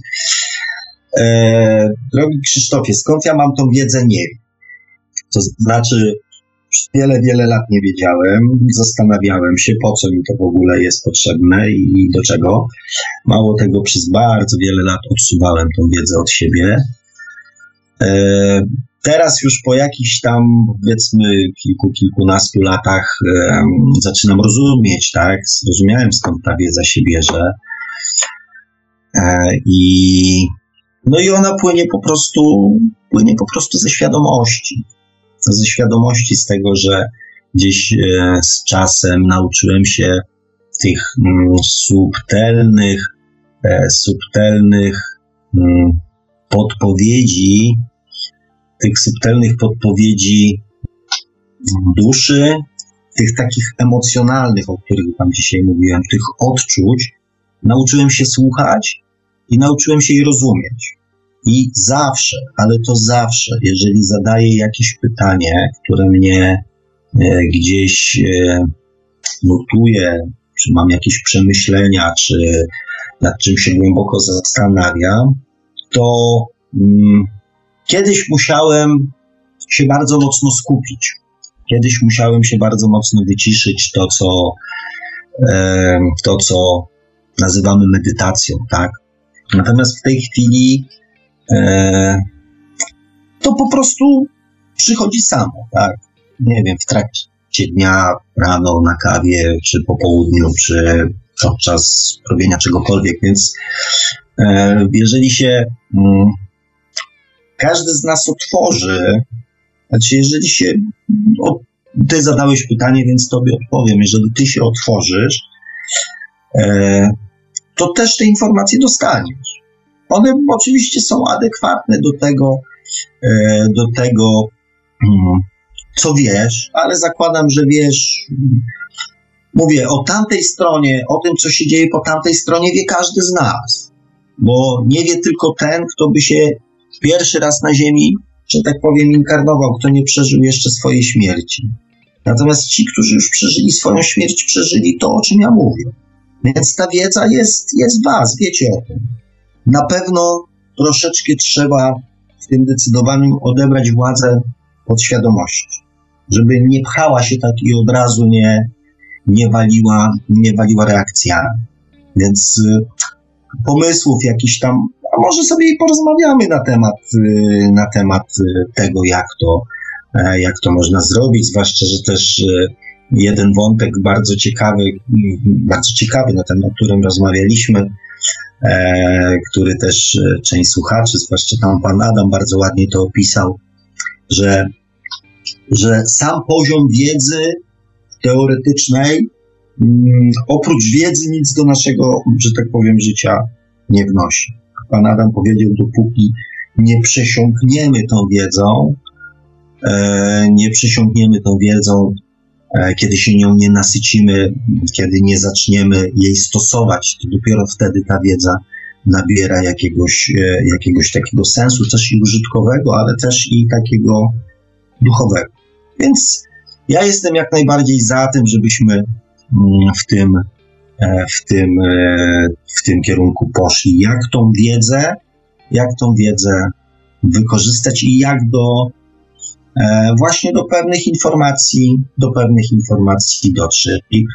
E, pytanie, mm, pytanie, czy zwykli ludzie mogą doświadczać sami to, o czym Pan mówi? Panie Krzysztofie, kochany, ja jestem zwykłym ludziem, najzwyklejszym na świecie. Gdybyśmy się spotkali na ulicy, nawet nie zwróciłby Pan na mnie uwagi. No może troszeczkę bardziej uchachanym od innych, zwłaszcza. E, więc ja jestem zwykłym ludziem, najzwyklejszym. Więc y, skoro ja, zwykły ludź, e, mogę, to wydaje mi się, że, że to nie jest y, wiedza czy doświadczenie zarezerwowane dla wybrańców ani dla proroków. Nigdy czegoś takiego nie twierdziłem. Jak najbardziej może Pan dotrzeć do tych informacji. Będzie zainteresowanie, spróbujemy popracować, powymyślać jakieś tam e, sposoby, jak, jak, jak samemu mm, jak samemu, że tak powiem, się o tym przekonać. Ja będę przeszczęśliwy, kochani, ja będę przeszczęśliwy, jak każdy z Was powie tak widziałem, tak czułem, tak odczuwałem, to tak wiem, tak jestem o tym przekonany. Kochani, to będzie chyba jeden z najszczęśliwszych dni w moim, w moim życiu, kiedy zamiast pytań pojawią się tutaj informacje, tak zrobiłem, tak zmieniłem, tak spróbowałem. Kurczę, to naprawdę, to taki jest cel, takie jest moje marzenie, żeby właśnie każdy człowiek mógł sam spróbować, żeby już nie musiał nikogo o nic prosić. I nawet nie chodzi o proszenie, tylko żeby nie miał wątpliwości.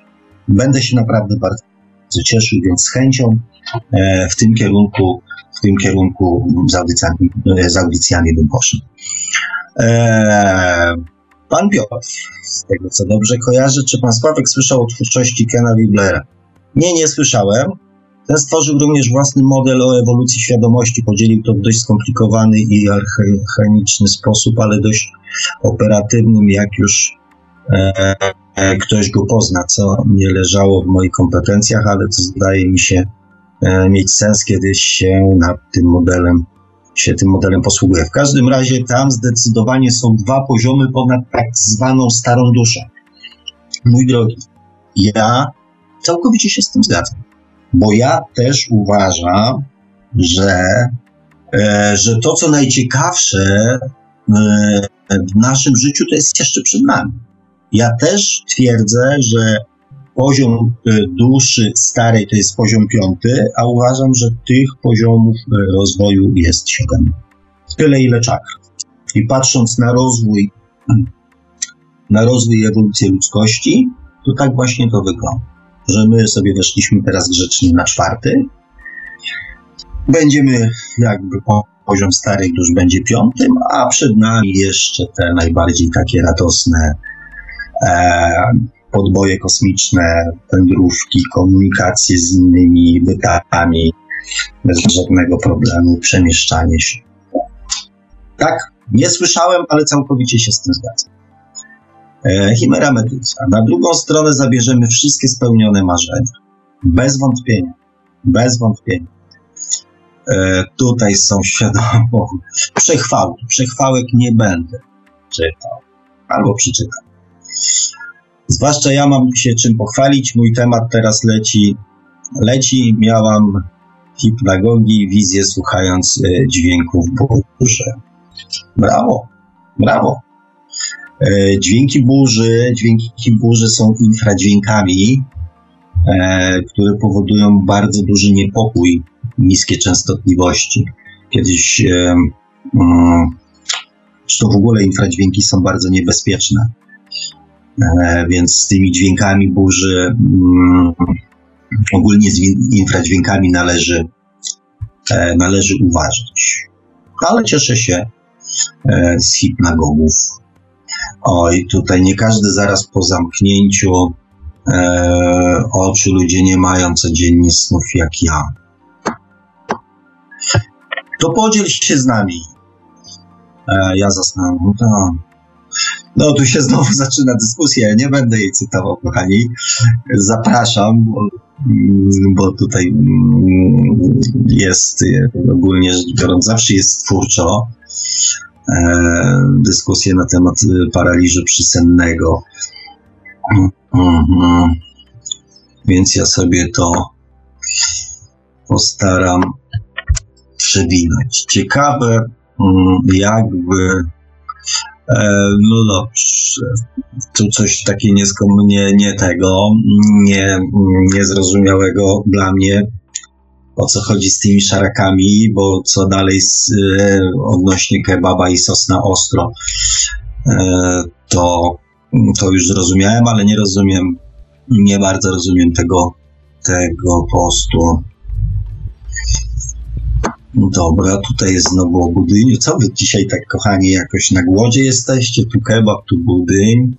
Um, no tutaj, e, tutaj, no niestety, Niestety, nie, niestety na razie nie mam za specjalnie na co odpowiadać. E,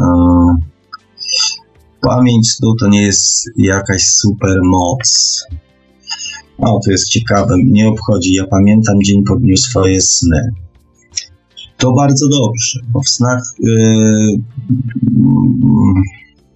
w snach jest zazwyczaj sporo, sporo ciekawych informacji, e, sporo ciekawych informacji i to takich, które czasami przez, e, nie potrafią się przebić przez naszą podświadomość, więc, um, więc warto jest tam od czasu do czasu, ale też nie, nie, nie warto, um, wydaje mi się, przewartościowywać tego źródła informacji. Um, moc to dlaczego ludzie swoich snów nie pamiętają. Ola jest specjalistką od snów, to powiem. O, i tutaj touch. Pamięć snów można wytrenować, jest parę metod. Najlepsza metoda to budzić się z rana i zapisywać wszystko, co się pamięta. Jak się nic nie pamięta, to i tak napisać to na kartce, że się nie pamięta. E, czy człowiek może komunikować się bezpośrednio z Bogiem, nie z duszą? Dobre pytanie. Powiem tak, żeby nikogo nie urazić. Na szczęście nie. Na szczęście jeszcze nie teraz. Na szczęście jeszcze nie teraz, ponieważ e, póki co nie jesteśmy w stanie ogarnąć, e, nie jesteśmy w stanie ogarnąć tych informacji, e, nawet tych ziemskich informacji nie jesteśmy w stanie ogarnąć. Nie jesteśmy w stanie ich zarejestrować mm, i ich kontrolować, czy nawet rejestrować świadomie e, wszelkich informacji, wszelkich bodźców, które do nas spływają, więc póki nasz, mm, póki nasz mózg nie zacznie pracować troszeczkę szybciej, troszeczkę na innych częstotliwościach, póki nie wykrzesamy z niego troszeczkę więcej mm, możliwości, to, mm, to myślę, że taka wiedza mogłaby zabić. Albo przynajmniej, nie wiem, wysadzić nasz mózg w powietrze. Myślę, że gdybyśmy Mm, nawet mózgiem próbowali mm, zinterpretować, zrozumieć, nazwać mm, to, co robi dusza po naszej śmierci, obawiam się, że nie bylibyśmy w stanie obrobić tej ilości e, informacji. Myślę, że nas, nasz mózg po prostu nie dałby rady. Więc na szczęście jeszcze nie możemy się bezpośrednio kontaktować. Przynajmniej, przynajmniej ja tego nie robię i nie słyszałem o kimś, kto. No chociaż są jakieś tam, słyszałem o jakichś tam rozmowach z Bogiem, nie, nie czytałem tego, więc nie wiem na ile to jest informacja, e, na, na ile to jest informacja wiarygodna. Ja, ja uważam, że nie. E, witaj goście! E, tak, podzielamy współczucie dla Gdańszczan. Podzielamy, dziękujemy.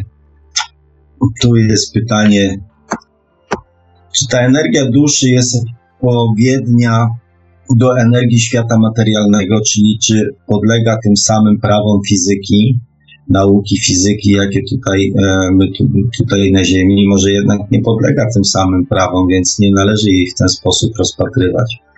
Możliwe też, że człowiek jeszcze nie odkrył takich praw fizyki, którym dusza, e, ta energia podlega. Mm, ale to wszystko przed nami, więc ja myślę, że ta druga część Twojej, jak zwykle, trafnej wypowiedzi jest bardziej celowa, znaczy bardziej mm, prawdziwa, że to jeszcze możemy, e, możemy po prostu, nasza nauka może jeszcze o bardzo wielu e, rzeczach po prostu po prostu nie wiedzieć. Natomiast, y, natomiast jakby jest chęć naukowców do tego, żeby to badać. To jest, y, to jest, że tak powiem, to jest fajne, że jakby próbujemy, mm, próbujemy cywilizacyjnie w tym kierunku zmierzać. E, więc ja myślę, że prędzej czy później, mm, że prędzej czy później do takich odkryć E, do takich odkryć dojdzie. No i zobaczymy, tak.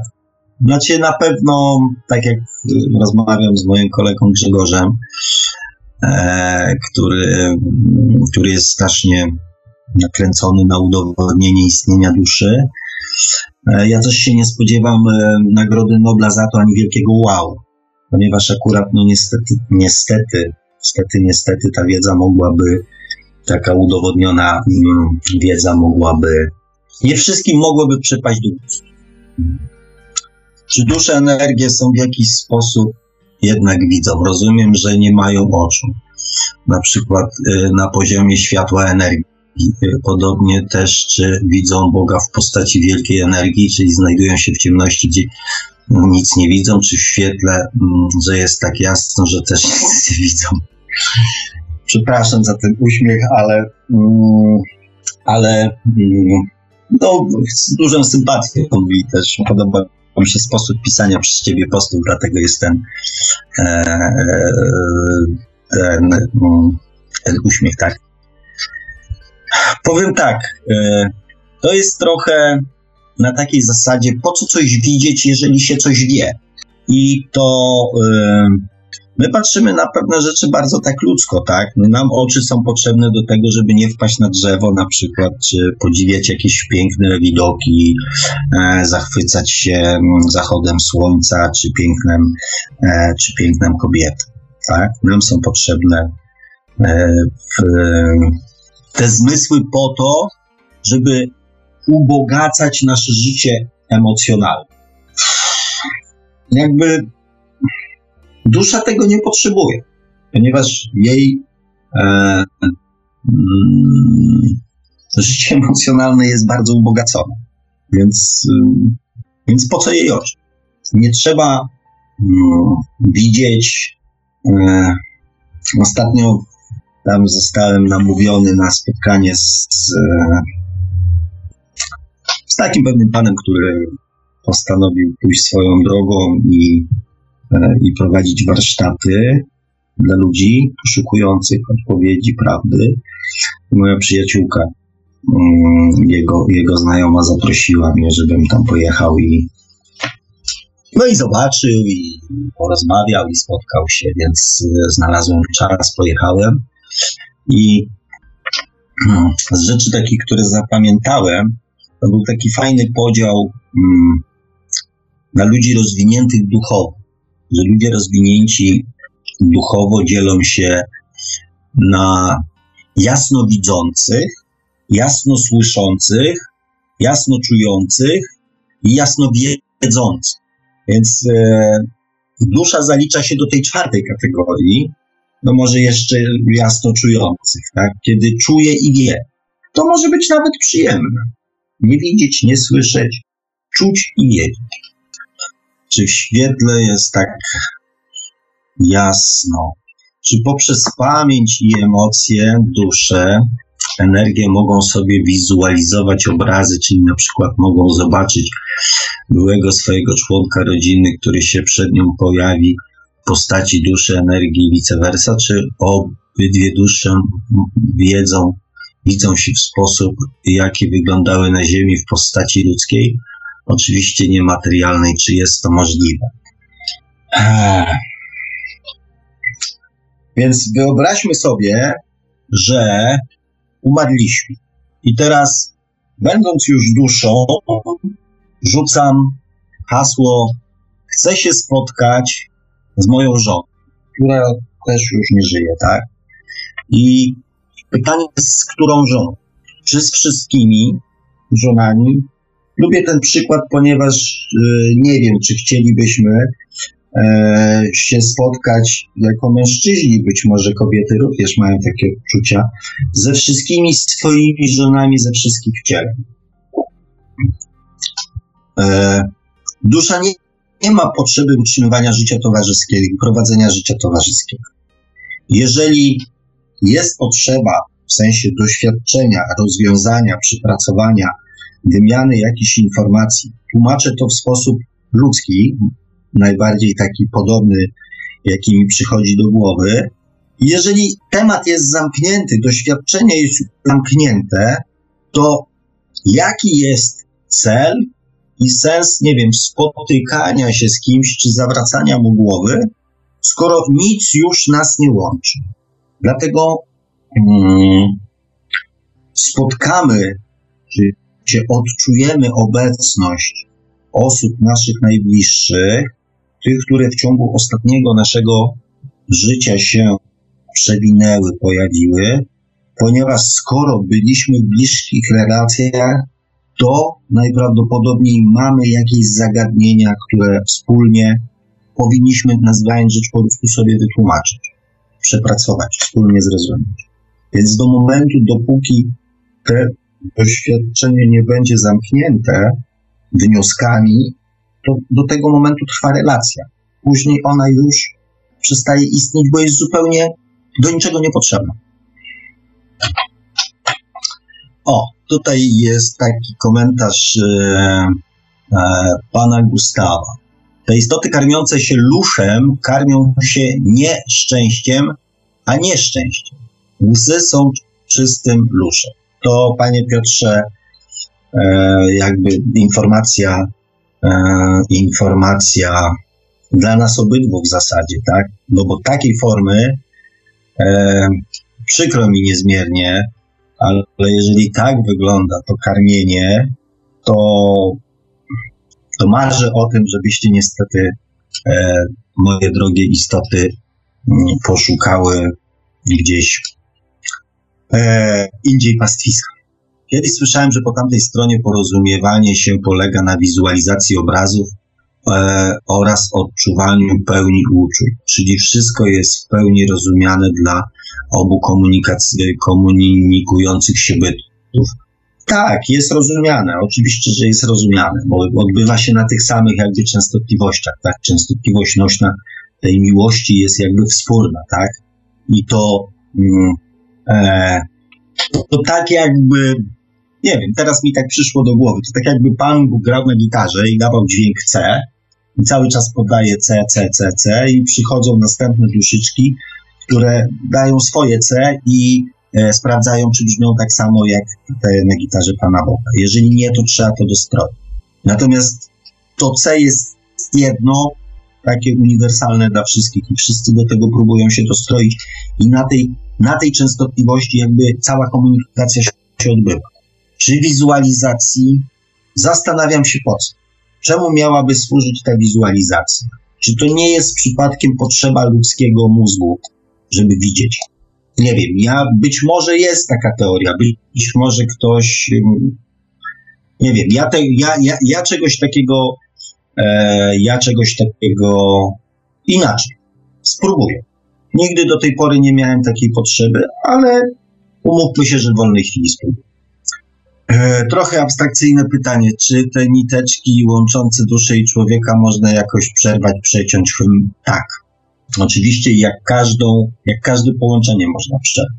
E, jest pewna grupa zajmująca się e, takim regresingiem po śmierci, która nawet twierdzi, że mm, na Ziemi funkcjonują dusze, które są odpowiedzialne za naprawę tych połączeń pomiędzy e, człowiekiem a jego duszą, duszą i Bogiem. Znaczy bardziej między człowiekiem a duszą. E, I tutaj jest jeszcze pytanie Ghosta, czy w regresingu są jakieś ograniczenia, czy nie powinno się czegoś robić, czy można e, z czymś przegiąć, czy można zrobić od razu jazdę na całego aż do pierwszego wcielenia. Powiem Ci tak, jest wśród nas słuchacz, który mógłby na ten temat bardzo dużo, e, bardzo dużo powiedzieć.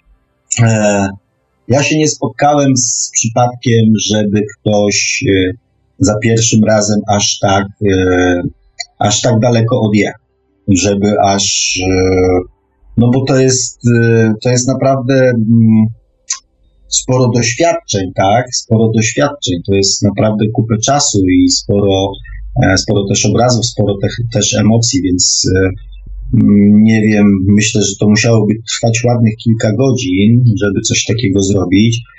E, I nie wiem, czy człowiek nie mm, dałby radę, bo tak naprawdę jest dość wyczerpujące również fizycznie, ponieważ te emocje się też odbijają na naszym ciele fizycznym, zwłaszcza jeżeli dotykamy czegoś, co, mm, co na przykład zostało jeszcze gdzieś tam nieprzepracowane E, to często, często pojawiają się objawy takie stricte, stricte fizyczne, więc e, mm, Więc ograniczeń zasadniczo nie ma, chociaż tu myślę, że ci, którzy zajmują się regressingiem, powinni się bardziej wypowiedzieć, mają większe doświadczenie, e, mają większe doświadczenie, ale też nie sądzę, żeby można było, żeby można było, mówię, w ciągu tam e, jednej sesji cofnąć się aż tak, aż tak bardzo daleko. Mm, czy różnego rodzaju filmy, książki sztuki teatralnej ogólnie pojmowana sztuka może przyczynić się do rozwoju duszy i pomóc jej wejść na wyższy poziom nawet w jednym życiu. Na przykład niektóre sceny z filmu dość sugestywne mogą zastąpić sceny z prawdziwego ludzkiego życia, co sprawia, że dusza człowiek może czegoś, czegoś doświadczy, jakby czegoś realnego i zrozumie to. Eee, Dobre pytanie, dobra technika. To jest oczywiście, też się nie zastanawiałem nad tym wcześniej, więc e, trochę będę, e, będę dukał. E, natomiast jest to świetny pomysł, ponieważ to działa dwufazowo. E, wszelkie emocje, które z, są związane z obcowaniem ze sztuką, e, jakąkolwiek, która budzi nasze emocje, mm, no, może nie tyle są mm, doświadczeniem dla duszy, natomiast bardziej pozwalają transformować naszą podświadomość, a jakby o tą transformację właśnie naszej duszy chodzi. Więc, yy, yy, więc jak najbardziej, jak najbardziej tak. Jak najbardziej tak. Że jest to metoda naprawdę bardzo przydatna yy, w, do transformacji podświadomości. Jednocześnie dla duszy też jest to pewnego rodzaju sygnał, że jeżeli zaczynamy się utożsamiać na przykład ze współczuciem, z losem na przykład, nie wiem, osób, które są chore, to też mm, jakby świadczy o tym, że rozumiemy sens, że rozumiemy cel, że e, idziemy we właściwym kierunku. Tak? Więc to też jest, y, tak, to jest wzrost, jak najbardziej. E, jeżeli nasza podświadomość widzi coś realnego, w co uwierzy, to tak, jak najbardziej, e, jak najbardziej transformuje swoje wzorce. E, świadomy sen. Ja mogę spokojnie w stan hipnotyczny wejść, zajść. A, zajść. No. To podziel się z nami tymi informacjami, bo tu na pewno wiele, wiele osób, tak jak widać, są pytania, E, wiele osób to notuje, a ja nie jestem też w stanie na wszystkie, mm, na wszystkie, na wszystkie tematy znać odpowiedzi i dać. Taką tematyką niewiele osób się zajmuje, niewielu ludzi to zrozumie. Osoby, które nie miały styczności ze światem niefizycznym, są często nietolerancyjne na ten temat. Hmm. Znaczy, ja powiem tak. Y, co do mm, tolerancji, to się zgadzam, natomiast y, nie ma na Ziemi osoby, która nie miała styczności ze światem niefizycznym, ze światem duchowym, która nie miała styczności ze światem duchowym. Dlaczego? Ponieważ wszyscy mamy duszę. Więc ten kontakt jest nieunikniony. I nie da się przyjść na świat i powiedzieć, ok, to ja się tutaj teraz rodzę, ale ja nie. Ja za duszę dziękuję, ja może tam za 37 następnych wcieleń może to może tam sobie wezmę duszę, nie? Dlatego kontakt ze światem duchowym mamy wszyscy, tylko nie wszyscy sobie z tego zdajemy sprawę i też nie wszyscy jest, jesteśmy e, i nie wszyscy też jesteśmy jakby zainteresowani tym. W zależności od, od poziomu rozwoju naszej świadomości, e, inne doświadczenia są nam potrzebne. Też dla rozwoju na pewnym etapie były potrzebne nawet nam, czyli tym osobom, które mm, jakby tą wiedzę już mają, e, mają dużo większą i doświadczenia mają większe, nam na wcześniejszych etapach rozwoju też były jak najbardziej potrzebne te doświadczenia stricto życiowe, kiedy też jakby tematyka e, duszy nas zupełnie nie interesowała, więc e, więc, więc proszę się tym jakby nie przejmować i jeżeli ktoś e, mm, próbuje to w jakiś sposób odrzucić, no to niech po prostu odrzuca, tak, no ale zawsze jest, e, zawsze jest taki, ja to tam czasami się kiedyś ludzi pytałem o to, czy um, dopóki nie odkryto, czy tam nasz Kopernik tam nie, nie, nie udowodnił, że Ziemia jest okrągła, to czy ludzie chodzili po płaskiej Ziemi? Że ona się zaokrągliła w momencie odkrycia? Nie, ona zawsze była okrągła, więc to, że czegoś, um, że czegoś nie rozumiemy bądź coś negujemy, to wcale nie oznacza, że to nie istnieje, więc, um, więc komentarze są publiczne, to można je komentować. Tak też myślałem, tak też tylko rozmawiałem z panem Markiem, ale kultura nakazała mnie się zapytać. A ja się nie zgodzę z tym, że emocje są istotą duszy Nusfera. A czym są? Pytanie Inki. Wtedy człowiek musiał być, musiałby mieć wiele dusz, tą dzięki której żyje, tą dzięki której jest e, istotą rozumną i tą emocjonalną.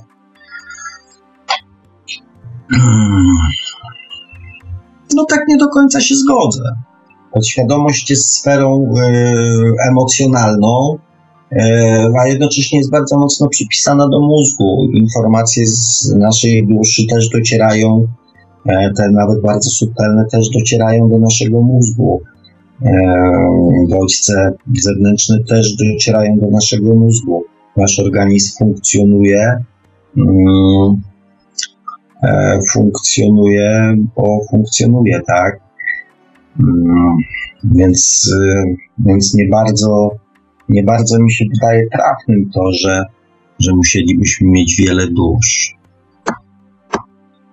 E, Ghost, no to jest jednak jakaś nadzieja patrząc na te tłumy i reakcje ludzkie. E, nie wiem czego dotyczy, mam nadzieję, że tego o czym myśli, zwierzęta też e, emocje, też emocje czyją. Nie rozumiem, troszeczkę to nie napisane. Emocje są stanem podświadomości. Emocje są stanem podświadomości. Emocje są stanem podświadomości. To działa w dwie strony.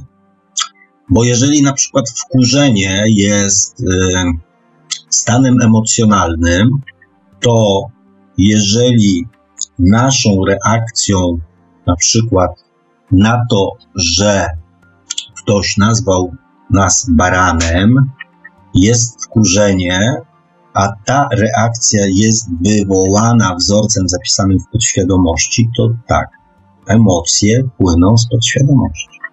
I jest to stan podświadomości. Jak duża bierze tylko bagaż emocjonalny, to po co ten rozum? Dobre pytanie. Tak, po tamtej stronie rozum jest zupełnie do niczego niepotrzebny. Rzekłbym nawet, e, rzekłbym nawet, e, stany komunikacji z duszą, wtedy kiedy bardziej jesteśmy otwarci na te informacje płynące od naszej duszy, osiągamy wtedy, kiedy wyłączamy rozum kiedy wyłączamy naszą podświadomość. Więc e, tak, czasami ten rozum e, jest naszym wrogiem, ponieważ idealnym rozwiązaniem jest rozsądek, czyli rozsądzenie, czyli wysłuchanie jednej strony oraz drugiej strony i świadome dokonanie wyboru. To jest idealne rozwiązanie, kiedy Mm, podświadomość nakazuje nam weź mu przywal w pysk, a dusza mówi nie wal go w pysk, bo kiedyś ty dostaniesz pysk. I wtedy świadomie decydujemy, aha, chcę mu przywalić, czy nie chcę mu przywalić. Kiedy to przestaje być odruchem, a zaczyna być wyborem. A może ja chcę kiedyś dostać w mordę.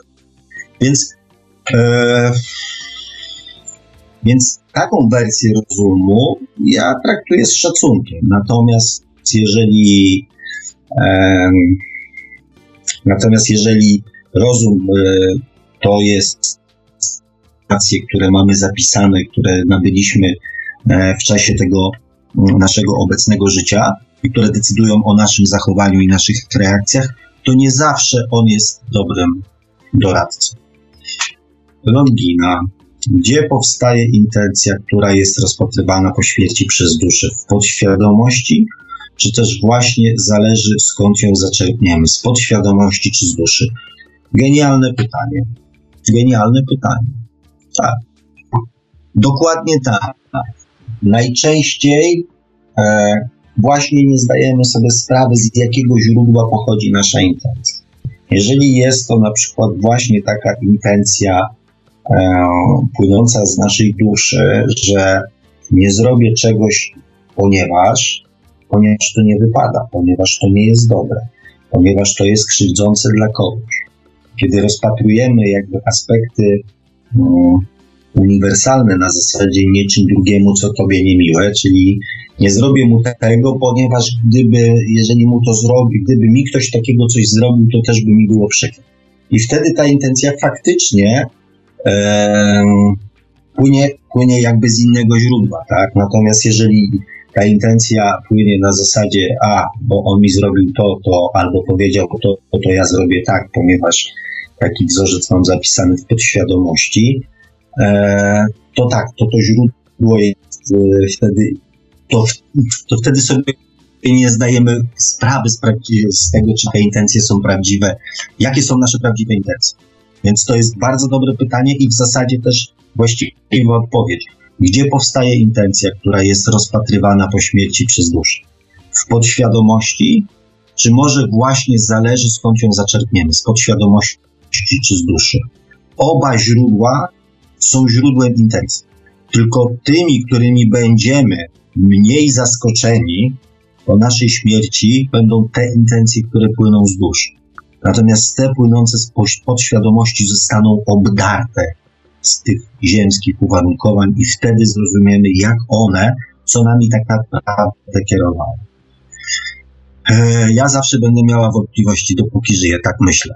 E, wątpliwości powodują to, że chcemy czegoś poszukiwać. E, a poszukiwanie jest, jest siłą napędową. Więc jak najwięcej im wątpliwości życzę. I wątpliwości, które będą cię e, pchały do poszukiwania odpowiedzi. Ja też mam cały czas wątpliwości. Nawet na niektóre pytania, które pojawiają się w czasie, w czasie audycji, Mówię Wam uczciwie, kochani, muszę na przykład się nad tym zastanowić, muszę tego spróbować, muszę, e, znaczy nie muszę, chcę, tak? Ale żeby odpowiedzieć na to pytanie, muszę dokonać pewnych rzeczy, których do tej pory nie robiłem. Więc ja też mam wątpliwości, czy to jest, czy się z tym zgadzam, czy się z tym nie zgadzam. Ja często zapominam sny, rzadko które pamiętam. Myślę, że zapamiętuję te bardzo ważne dla mnie. To dobrze. Ja powiem tak. Ja osobiście mm, nie pamiętam snów, to znaczy staram się ich nie pamiętać. Ponieważ uważam, że te kilkanaście godzin aktywności mm, umysłowo, emocjonalno, duchowo, jakieś tam, o fizycznej już nie wspomnę, mi wystarcza. Mm, nie wiem, kochani, czy wy tak macie, ale ja w swojej głowie potrafię śledzić w tym samym czasie na przykład, nie wiem, pięć wątków naraz. Więc, yy, więc przynajmniej w nocy sobie chcę odpocząć. Natomiast jeżeli ktoś yy, wybiera to jako formę komunikacji, to uważam, że ten sposób yy, komunikacji z, włas- z, własną duszą jest, y, jest taki najbardziej najbardziej spokojny, najbardziej naturalny. Więc oczywiście jak najbardziej go polecam. Natomiast bardziej mi chodzi o to, żebyście się, bo nieraz jest tak, albo ja nic nie widzę, albo ja tam nie słyszę, albo ten to pamięta sny, a ja nie pamiętam swoich snów. Kochani, to nie jest żaden warunek. Żaden warunek bycia wartościowym człowiekiem, bycia dobrym człowiekiem, bycia mądrym człowiekiem. Czy to nie jest też żaden E, argument, który mówi o tym, czy jesteście bardziej bądź mniej uduchowieni. Naprawdę. Nie, nie porównujcie się, nie odbierajcie, że jeżeli czegoś nie robicie, to znaczy, że jesteście gorsi. To jest e, ślepa uliczka m, rozwoju duchowego. W ogóle jakiegokolwiek rozwoju. Nie robicie, to znaczy, że być może nie potrzebujecie, że do niczego wam to nie jest potrzebne, że jesteście już wystarczająco, nie wiem, mądrymi ludźmi, e, żeby móc, e, no, żeby móc prowadzić normalne życie. E, Panie Sławku, czy poezja, muzyka są dziełem duszy czy człowieka? O. O. Powiem tak. Mm, cudowne dzieci na przykład, które mm, w wieku, nie wiem, trzech lat grają cudownie na skrzypcach bądź na jakimś tam e, na, na jakimś tam pianinie. E, jak myślicie, czy oni tą, tą wiedzę i tworzą jakąś tam muzykę, czy oni tą wiedzę i umiejętności e, nabyli za tego życia, czy raczej jest to mm, umiejętność i talent przyniesiony z poprzedniego wcielenia, które jeszcze z jakiegoś powodu nie zostało zatarte. Więc w tym wypadku to na pewno taka muzyka będzie dziełem, mm, dziełem duszy. E, natomiast tu, mm, droga Chimero, trzeba zapytać o intencje, tak? Bo jeżeli mm, ktoś ma jakiś tam talent i mówi, a zostanę muzykiem, bo, bo lubię to robić. Mam jakieś tam predyspozycje, ale po to, żeby zarabiać kasiorę, zdobywać popularność, podrywać panienki, jeździć dobrymi furami i, tak dalej, i tak dalej. Więc, więc tutaj jakby intencja decyduje, intencja decyduje, czy to, co wcześniej nasza droga słuchaczka napisała, źródło intencji decyduje też o tym, jakie później będzie źródło, jakie później będzie źródło tej sztuki. Tak? Natomiast mówimy to o, o, o źródle, tak? No bo później jakby wszelkie czynności, czyli śpiewanie, pisanie, układanie nutek, czy wiedza nad tym, jak te nutki poukładać, E, czy jak w ten bęben, czy tą gitarę uderzyć, no to już jest oczywiście zdecydowanie e, dziełem człowieka, tak, ponieważ dusza takiej, e, takiej, takich umiejętności nie posiada, aczkolwiek powiem Wam, że ja bardzo lubię śpiewać. Ja bardzo lubię śpiewać, co nie znaczy, że umiem. Natomiast bardzo lubię śpiewać i w zależności od mojego stanu emocjonalno-duchowego, ten śpiew brzmi za każdym, znaczy inaczej. Więc poniekąd y, dusza też y, przez muzykę, przez e, przynajmniej umie przez muzykę też znajduje e, ujście na zewnątrz i, i tak się materializuje w niektórych piosenkach, które wtedy śpiewa dziełem kultury, przynajmniej według mnie. Nosfera, no dobrze, niech będzie i tak. Rysuję mandale, mogę je udostępnić i e, opublikować. No i super, i super. To poproszę, to poproszę o przysłanie, o przysłanie jednego, jednego, e, tak, jednego na adres redakcji. E, może samo natchnienie pochodzi z duszy, kto wie, ale jakbyś się urodził w lesie, a nie w cywilizowanym świecie, to byś Chopinem albo Van Goethem nie został. No, nie wiem.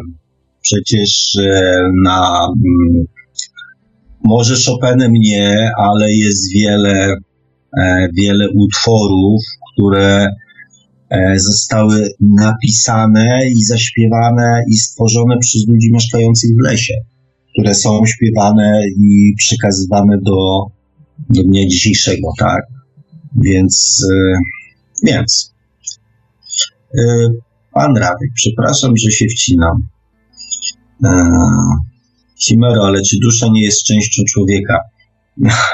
tak, bardzo słusznie. Ja też się czasami daję mm, daje wciągnąć, bo, bo mówię, to też sporo tego wszystkiego jest, więc nie zawsze, e, nie zawsze zachowam czujność, ale, ale faktycznie mm, my czasami niepotrzebnie zupełnie jakby właśnie e, rozgraniczamy dusza człowiek, dusza człowiek, tak jakby to były dwa, e, dwa oddzielne, dwa oddzielne byty. Ale ponieważ no jakby ustaliliśmy, że te źródła informacji są dwa, czasami, e, czasami ja to tak przynajmniej odbieram, że to chodzi o zaznaczenie, z jakiego, mm, z jakiego źródła ta informacja pochodzi. Ale tu się, drogi Radku, całkowicie z Tobą zgadzam. E, nie przepraszaj, wcinaj się z takimi kwestiami. E, dusza jest częścią nas, jak najbardziej. E, tutaj świadomy sen. Dusza jest częścią człowieka, to zależy w jakich przypadkach. I tutaj um, sfera ciało, umysł, dusza. Tak, to są płaszczyzny naszego funkcjonowania, tak, natomiast one cały czas, um, one cały czas ze sobą się przeplatają. Nie da się tak na dobrą sprawę, nie wiem, podświadomość wyłączamy czasami podczas snu, czy nasz mózg pracuje na wolniejszych obrotach, ale on cały czas pracuje, tak nasze ciało zwalnia, jeżeli odpoczywamy, mm, ale to cały czas, y, cały czas funkcjonuje tak samo ciało, umysł, dusza. E, to wszystko cały czas y, ze sobą pracuje. Na, na różnych biegach, w różnych okresach y, dnia czy tam naszego życia, ale pracuje cały czas. Mm.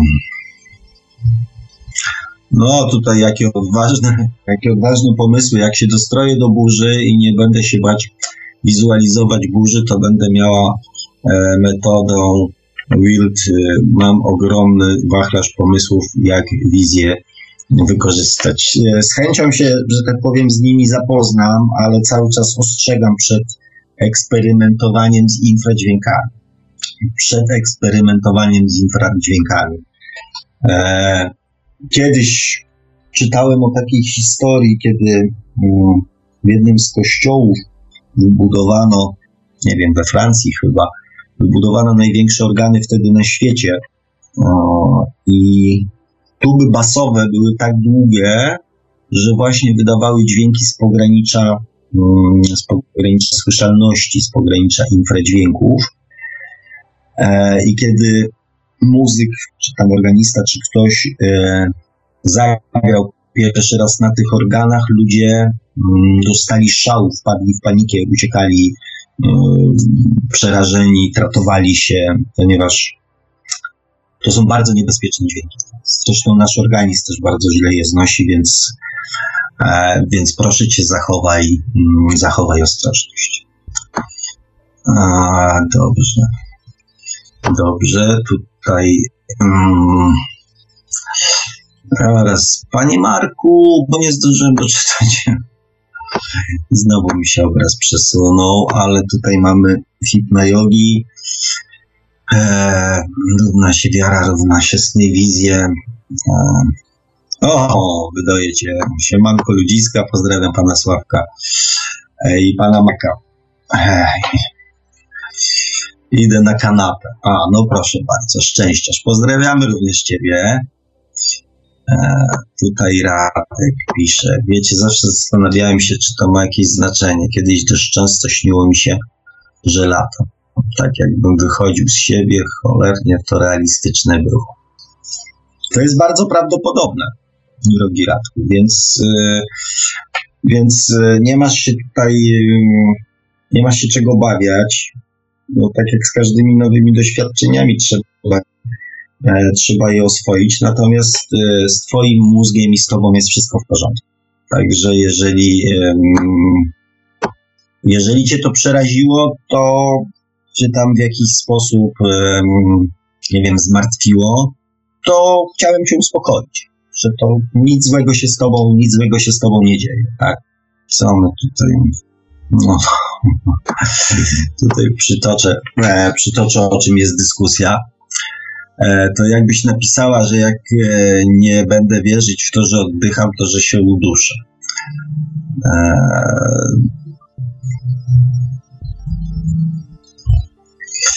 dobrze, co my tutaj jeszcze mamy, kochani?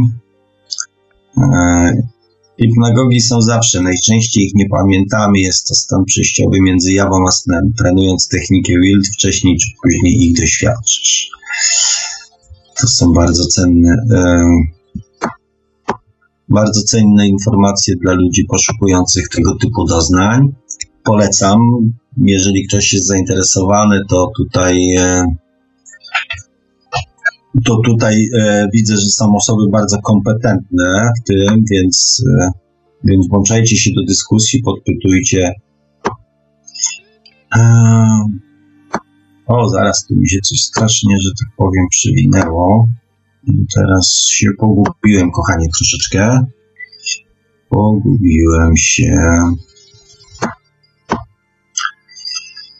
Um.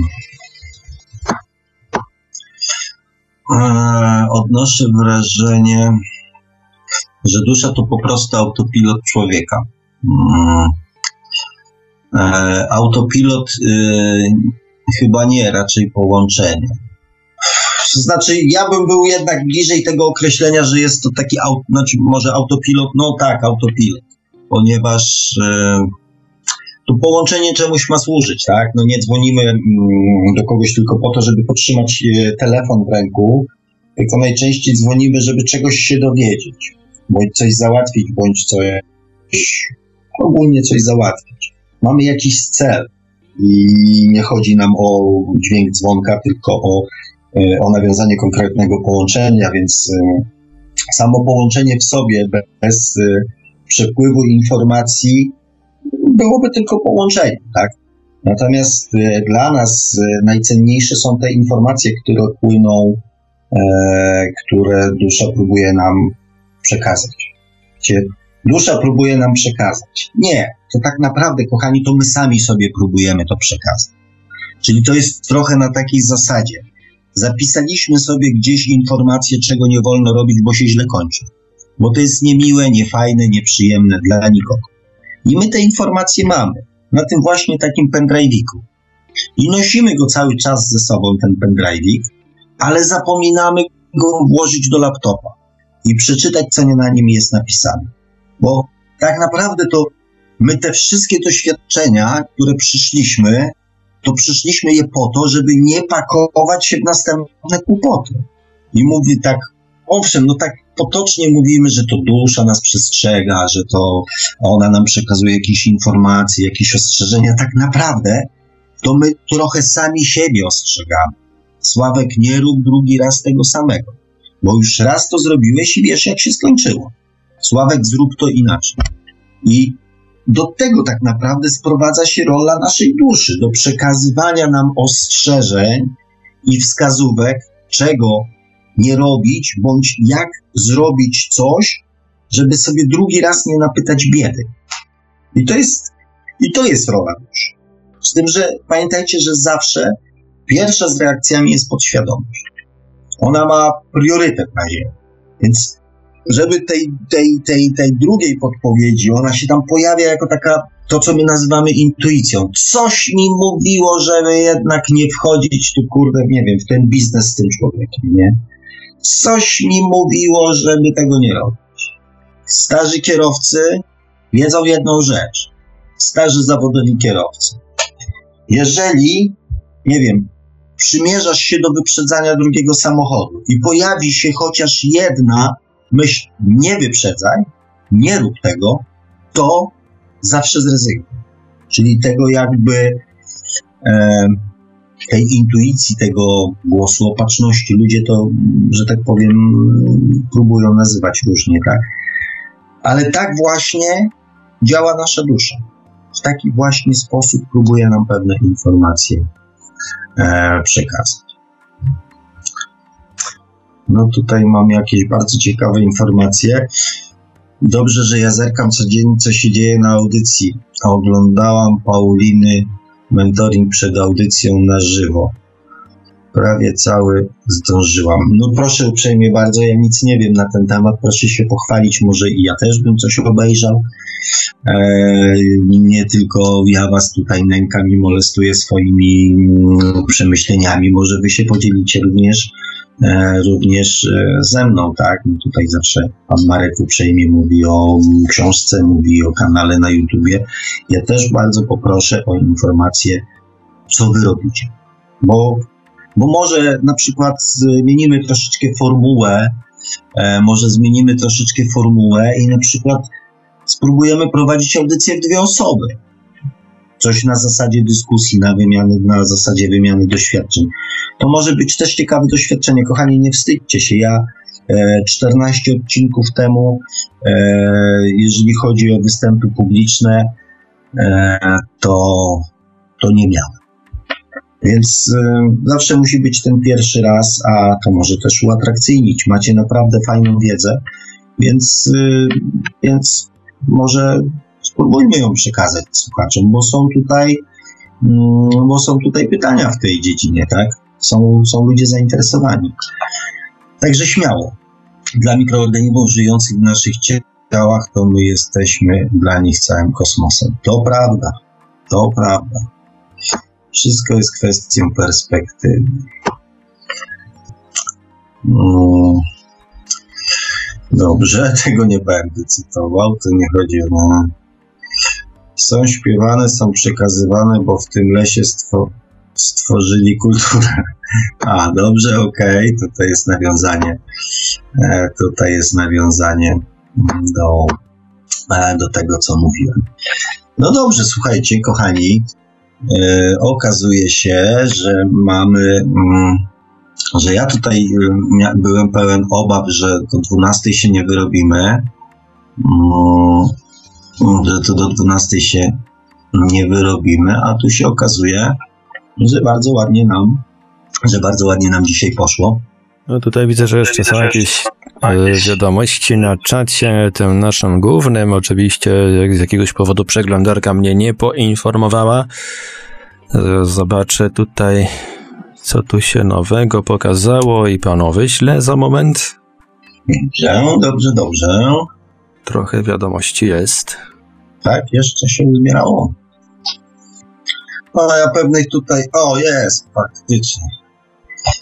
Faktycznie. Ale jak ładnie pozbierane, już mi ekran nie będzie lata. O Jezu, niu, niu, niu. E, a, tu widzę, mam powtórkę.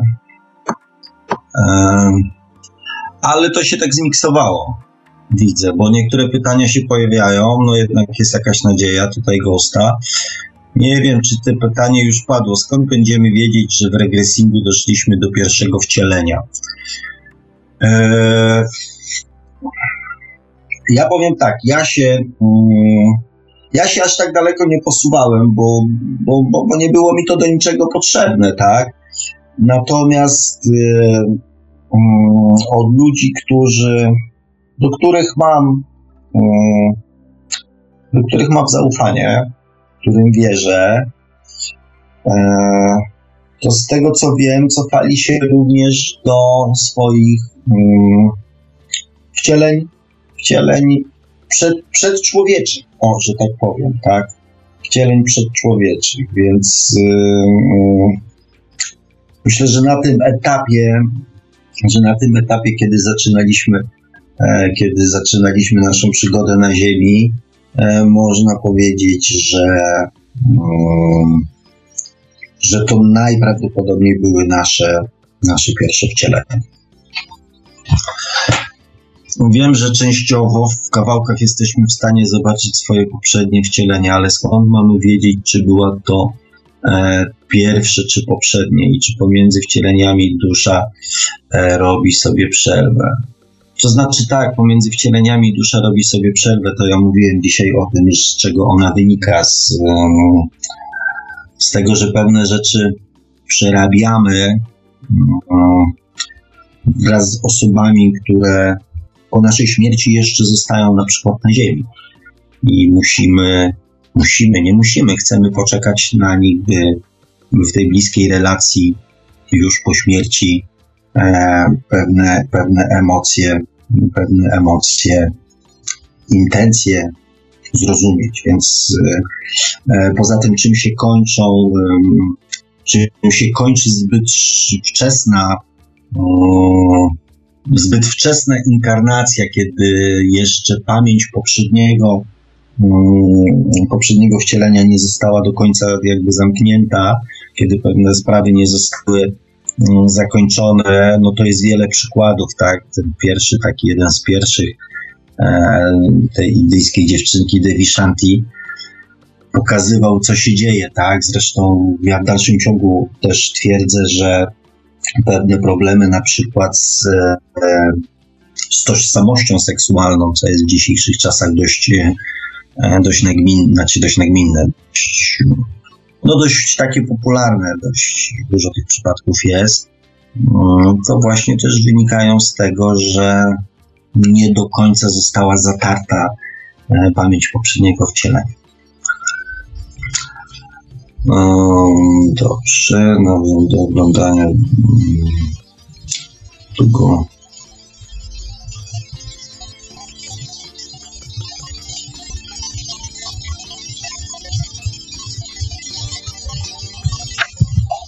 E, zaraz, gdzie my jesteśmy? Gdzie my jesteśmy? Tutaj jesteśmy. Mm. No i tutaj mam, ale tu mam chyba, no, przepraszam, słucham, myślę, ale e, nie, nie mogę ni dziś. Coraz bardziej czuję i rozumiem. Mm, o, tutaj jest nawiązanie do tragicznych wydarzeń. Od ponad tygodnia miałem potworne lęki, teraz wiem, to nie pierwszy raz tak, tak mam. Teraz na 99% mogę powiedzieć, że ten. Mm,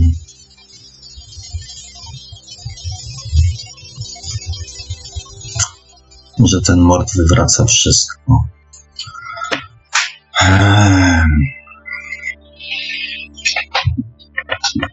Bardzo współczujemy. Nie wiem, co mam powiedzieć. Ciężko jest w ogóle to w jakikolwiek sposób komentować.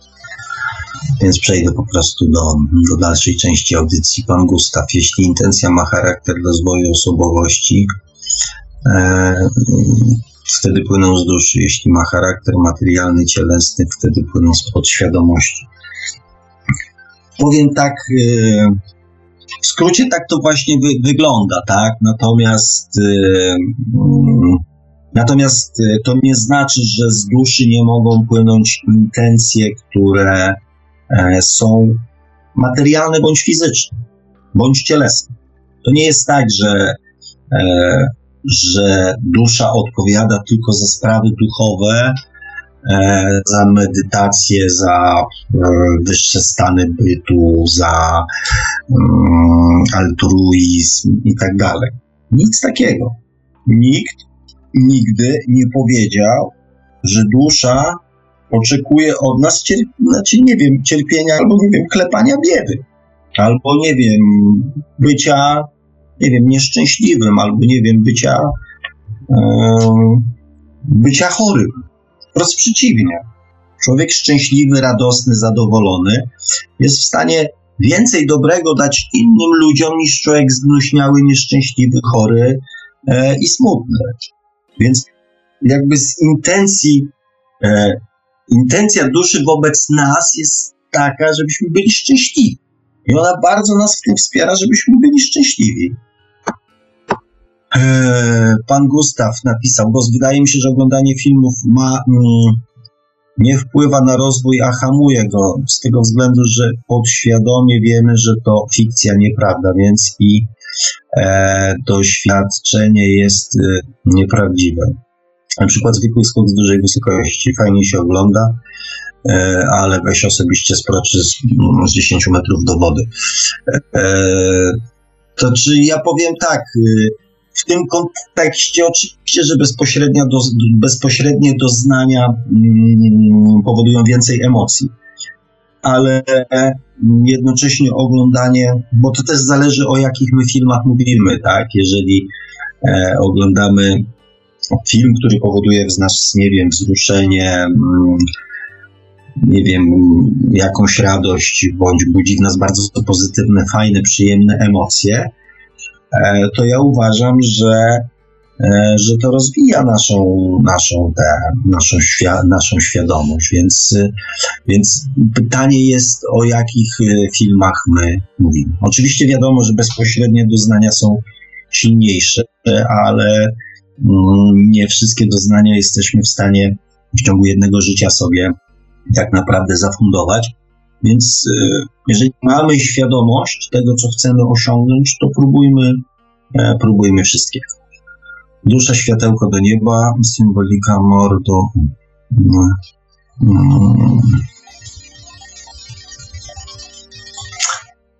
Klaus do pan Gustaw. Może masz rację, ale po części to trochę żartobliwie napisałem, ale pamiętam też, e, że pan Sławek mówi, mówił nieraz, że chodzi też o zrozumienie, niekoniecznie e, zawsze doświadczenie, więc jeśli coś zobaczysz i uruchomisz uczucia, to może wystarczy. E, no więc e, tak, dokładnie, dokładnie, drogi gości, widzę, że, że, że dzielnie słuchasz i wyciągasz wnioski. Tak, dokładnie chodzi o zrozumienie, ale też utożsamienie się z tym zrozumieniem. To, co mm, mówiłem e, o moich i też pana Adama dylematach, że, że sama wiedza, która nie przesiągnie do naszego jestestwa, jest tylko, jest, jest, jest tylko, mm, jest tylko pustą wiedzą, tak? Juby, mm, cześć, cześć. Tutaj temat hipnagogi wrócił z powrotem. Coś mi przeskakuje to w górę. Mm. O, tu jest bardzo istotna, ciekawa informacja na temat hipnagog. Jestem, mm, jestem może ekspertem. To się tyle różni od snu, że mamy świadomy wpływ na fabułę. Można nawet wstać, odebrać ważny telefon, omówić sprawy i wrócić do hipnagogii. Nie jestem ekspertem, więc nie będę tego nie będę tego komentował. No dobrze, chyba dotarłem, Panie Marku, znowu do jakiegoś końca. Nie wiem, czy to już koniec końców, czy to już koniec ostatni jest, czy jeszcze jakieś końce tutaj mamy. Z tego co widzę, to chyba na czacie tym naszym głównym jest już koniec, e, a na czacie na YouTubie pojawiły się komentarze niekoniecznie związane z tematem audycji. E, tutaj wydoje cię napisał, znaczy przepraszam bardzo, pan Kamil, bo tak sobie zażyczył, żeby się do niego zwracać po imieniu. Napisał pan Sławek ostatnio spał w 85 roku. Spał? In, Inka pisze, wątpię, aby pan Sławek miał koszmarne sny. Chimera Meduza pyta, panie Sławku, czy śnią się panu koszmary? Nie, dlatego się uśmiałem, bo faktycznie nie śmiał mi się E, nie śmią mi się koszmary. Mm, raczej, e, raczej mam przyjazne sny. Raczej mam przyjazne sny. E, także Także zaczynam mieć obawy tutaj co do miłych pań, czy one mają umiejętność czytania w myślach albo nie daj Bogu moich snach, więc no. są jeszcze jakieś osobiste pytania, panie Marku? A tutaj nie widzę raczej, także chyba już na dzisiaj będziemy powolutku kończyć, tak myślę. Bo nie widzę żadnych komentarzy. Zobaczę jeszcze na naszym mailu, czy coś się pojawiło, ale zapewne raczej chyba nie. Mhm. Nie, to już tam w razie czego, w razie czego będzie temat do, mm, do omówienia w następnej, w następnej audycji. Może słuchacze też wzięli sobie do do siebie moje wyrzuty sumienia, no moje wyrzuty sumienia, że, że się nie wyśpią i no tutaj żadnych nowych komentarzy nie widzę, także chyba, chyba to już, chyba już dotarliśmy do końca, jeżeli chodzi o wpisy. No dobrze, dobrze kochani, bardzo się cieszę. Bardzo się cieszę, że jakoś tak E, tak fajnie, tak fajnie nam dzisiaj to mm, zleciało. Nawet sporo było takich pytań, co, co mnie bardzo cieszy, dotyczących tematu audycji, bo z tym to, jak sami wiecie, różnie jest. Czasami te dyskusje um, rozważą się w różnych kierunkach. Cieszę się, że dyskutujecie, że wymieniacie że wymieniacie się też jakimiś swoimi przemyśleniami, doświadczeniami. Ja mówię o tym tylko do tych słuchaczy, którzy nie widzą, jak ja mm, biegam ekranem monitora, doszukując się jakiegoś wątku, który byłby w temacie no, audycji w jakiś sposób się z nią łączył, dlatego są takie czasami przestoje, które być może niektórych mm, troszeczkę tam, nie wiem, może denerwują. E, dlatego też są takie moje zawieszenia. To bardziej w, w, tym kontekście mówię, że, że nie wszystkie też komentarze, które się pojawiają, no, pasują do, pasują do, pasują do, do audycji, dlatego nie o wszystkich, e, nie o wszystkich z nich mówię i no i tyle. I za to chciałem tych, którzy nie wiedzą, jak to wygląda, e, przeprosić, że, że w tym uczestniczę. O i tak. I tym optymistycznym akcentem chciałbym powiedzieć Wam, kochani wszyscy, bardzo, bardzo dobrej nocy, jak najmniej koszmarów. E, e, I tam tych hipnagog takich pozytywnych, fajnych i przyjemnych. No i co? No i uważajcie na siebie, nieustająco uważajcie na siebie i i trzymajmy się nadziei, że, że ten świat jeszcze da się jakoś bezboleśnie uratować. Dziękuję Wam. Wszystkiego dobrego. A mówił te słowa do Państwa gospodarz audycji Świat oczami duszy, Pan Sławek Pączkowski, autor wideobloga o takim samym tytule oraz książki Czy można oszukać przeznaczenie, czyli po co człowiekowi dusza? Oczywiście tradycyjnie zachęcamy do zapoznania się z książką pana Sławka. Link do książki znajdziecie Państwo na naszej stronie internetowej www.paranormalium.pl. W archiwum będzie umieszczony pod pod dzisiejszą audycją. A audycję jak zawsze obsługiwał od strony technicznej Marek Sękiewelios, Radio Paranormalium, Paranormalny Głos w Twoim domu. Dobranoc i do usłyszenia ponownie, oczywiście na żywo, oczywiście już za tydzień, oczywiście w poniedziałek po godzinie 20. Radio Paranormalium, Paranormalny Głos w Twoim domu. Mimo minorowych oczywiście nastrojów, z uwagi na to, co się wczoraj wydarzyło, właściwie dzieje się cały czas, mimo wszystko życzymy Wam spokojnej nocy oraz pięknych, zdrowych, kolorowych, paranormalnych, a przede wszystkim świadomych snów. Produkcja i realizacja Radio Paranormalium www.paranormalium.pl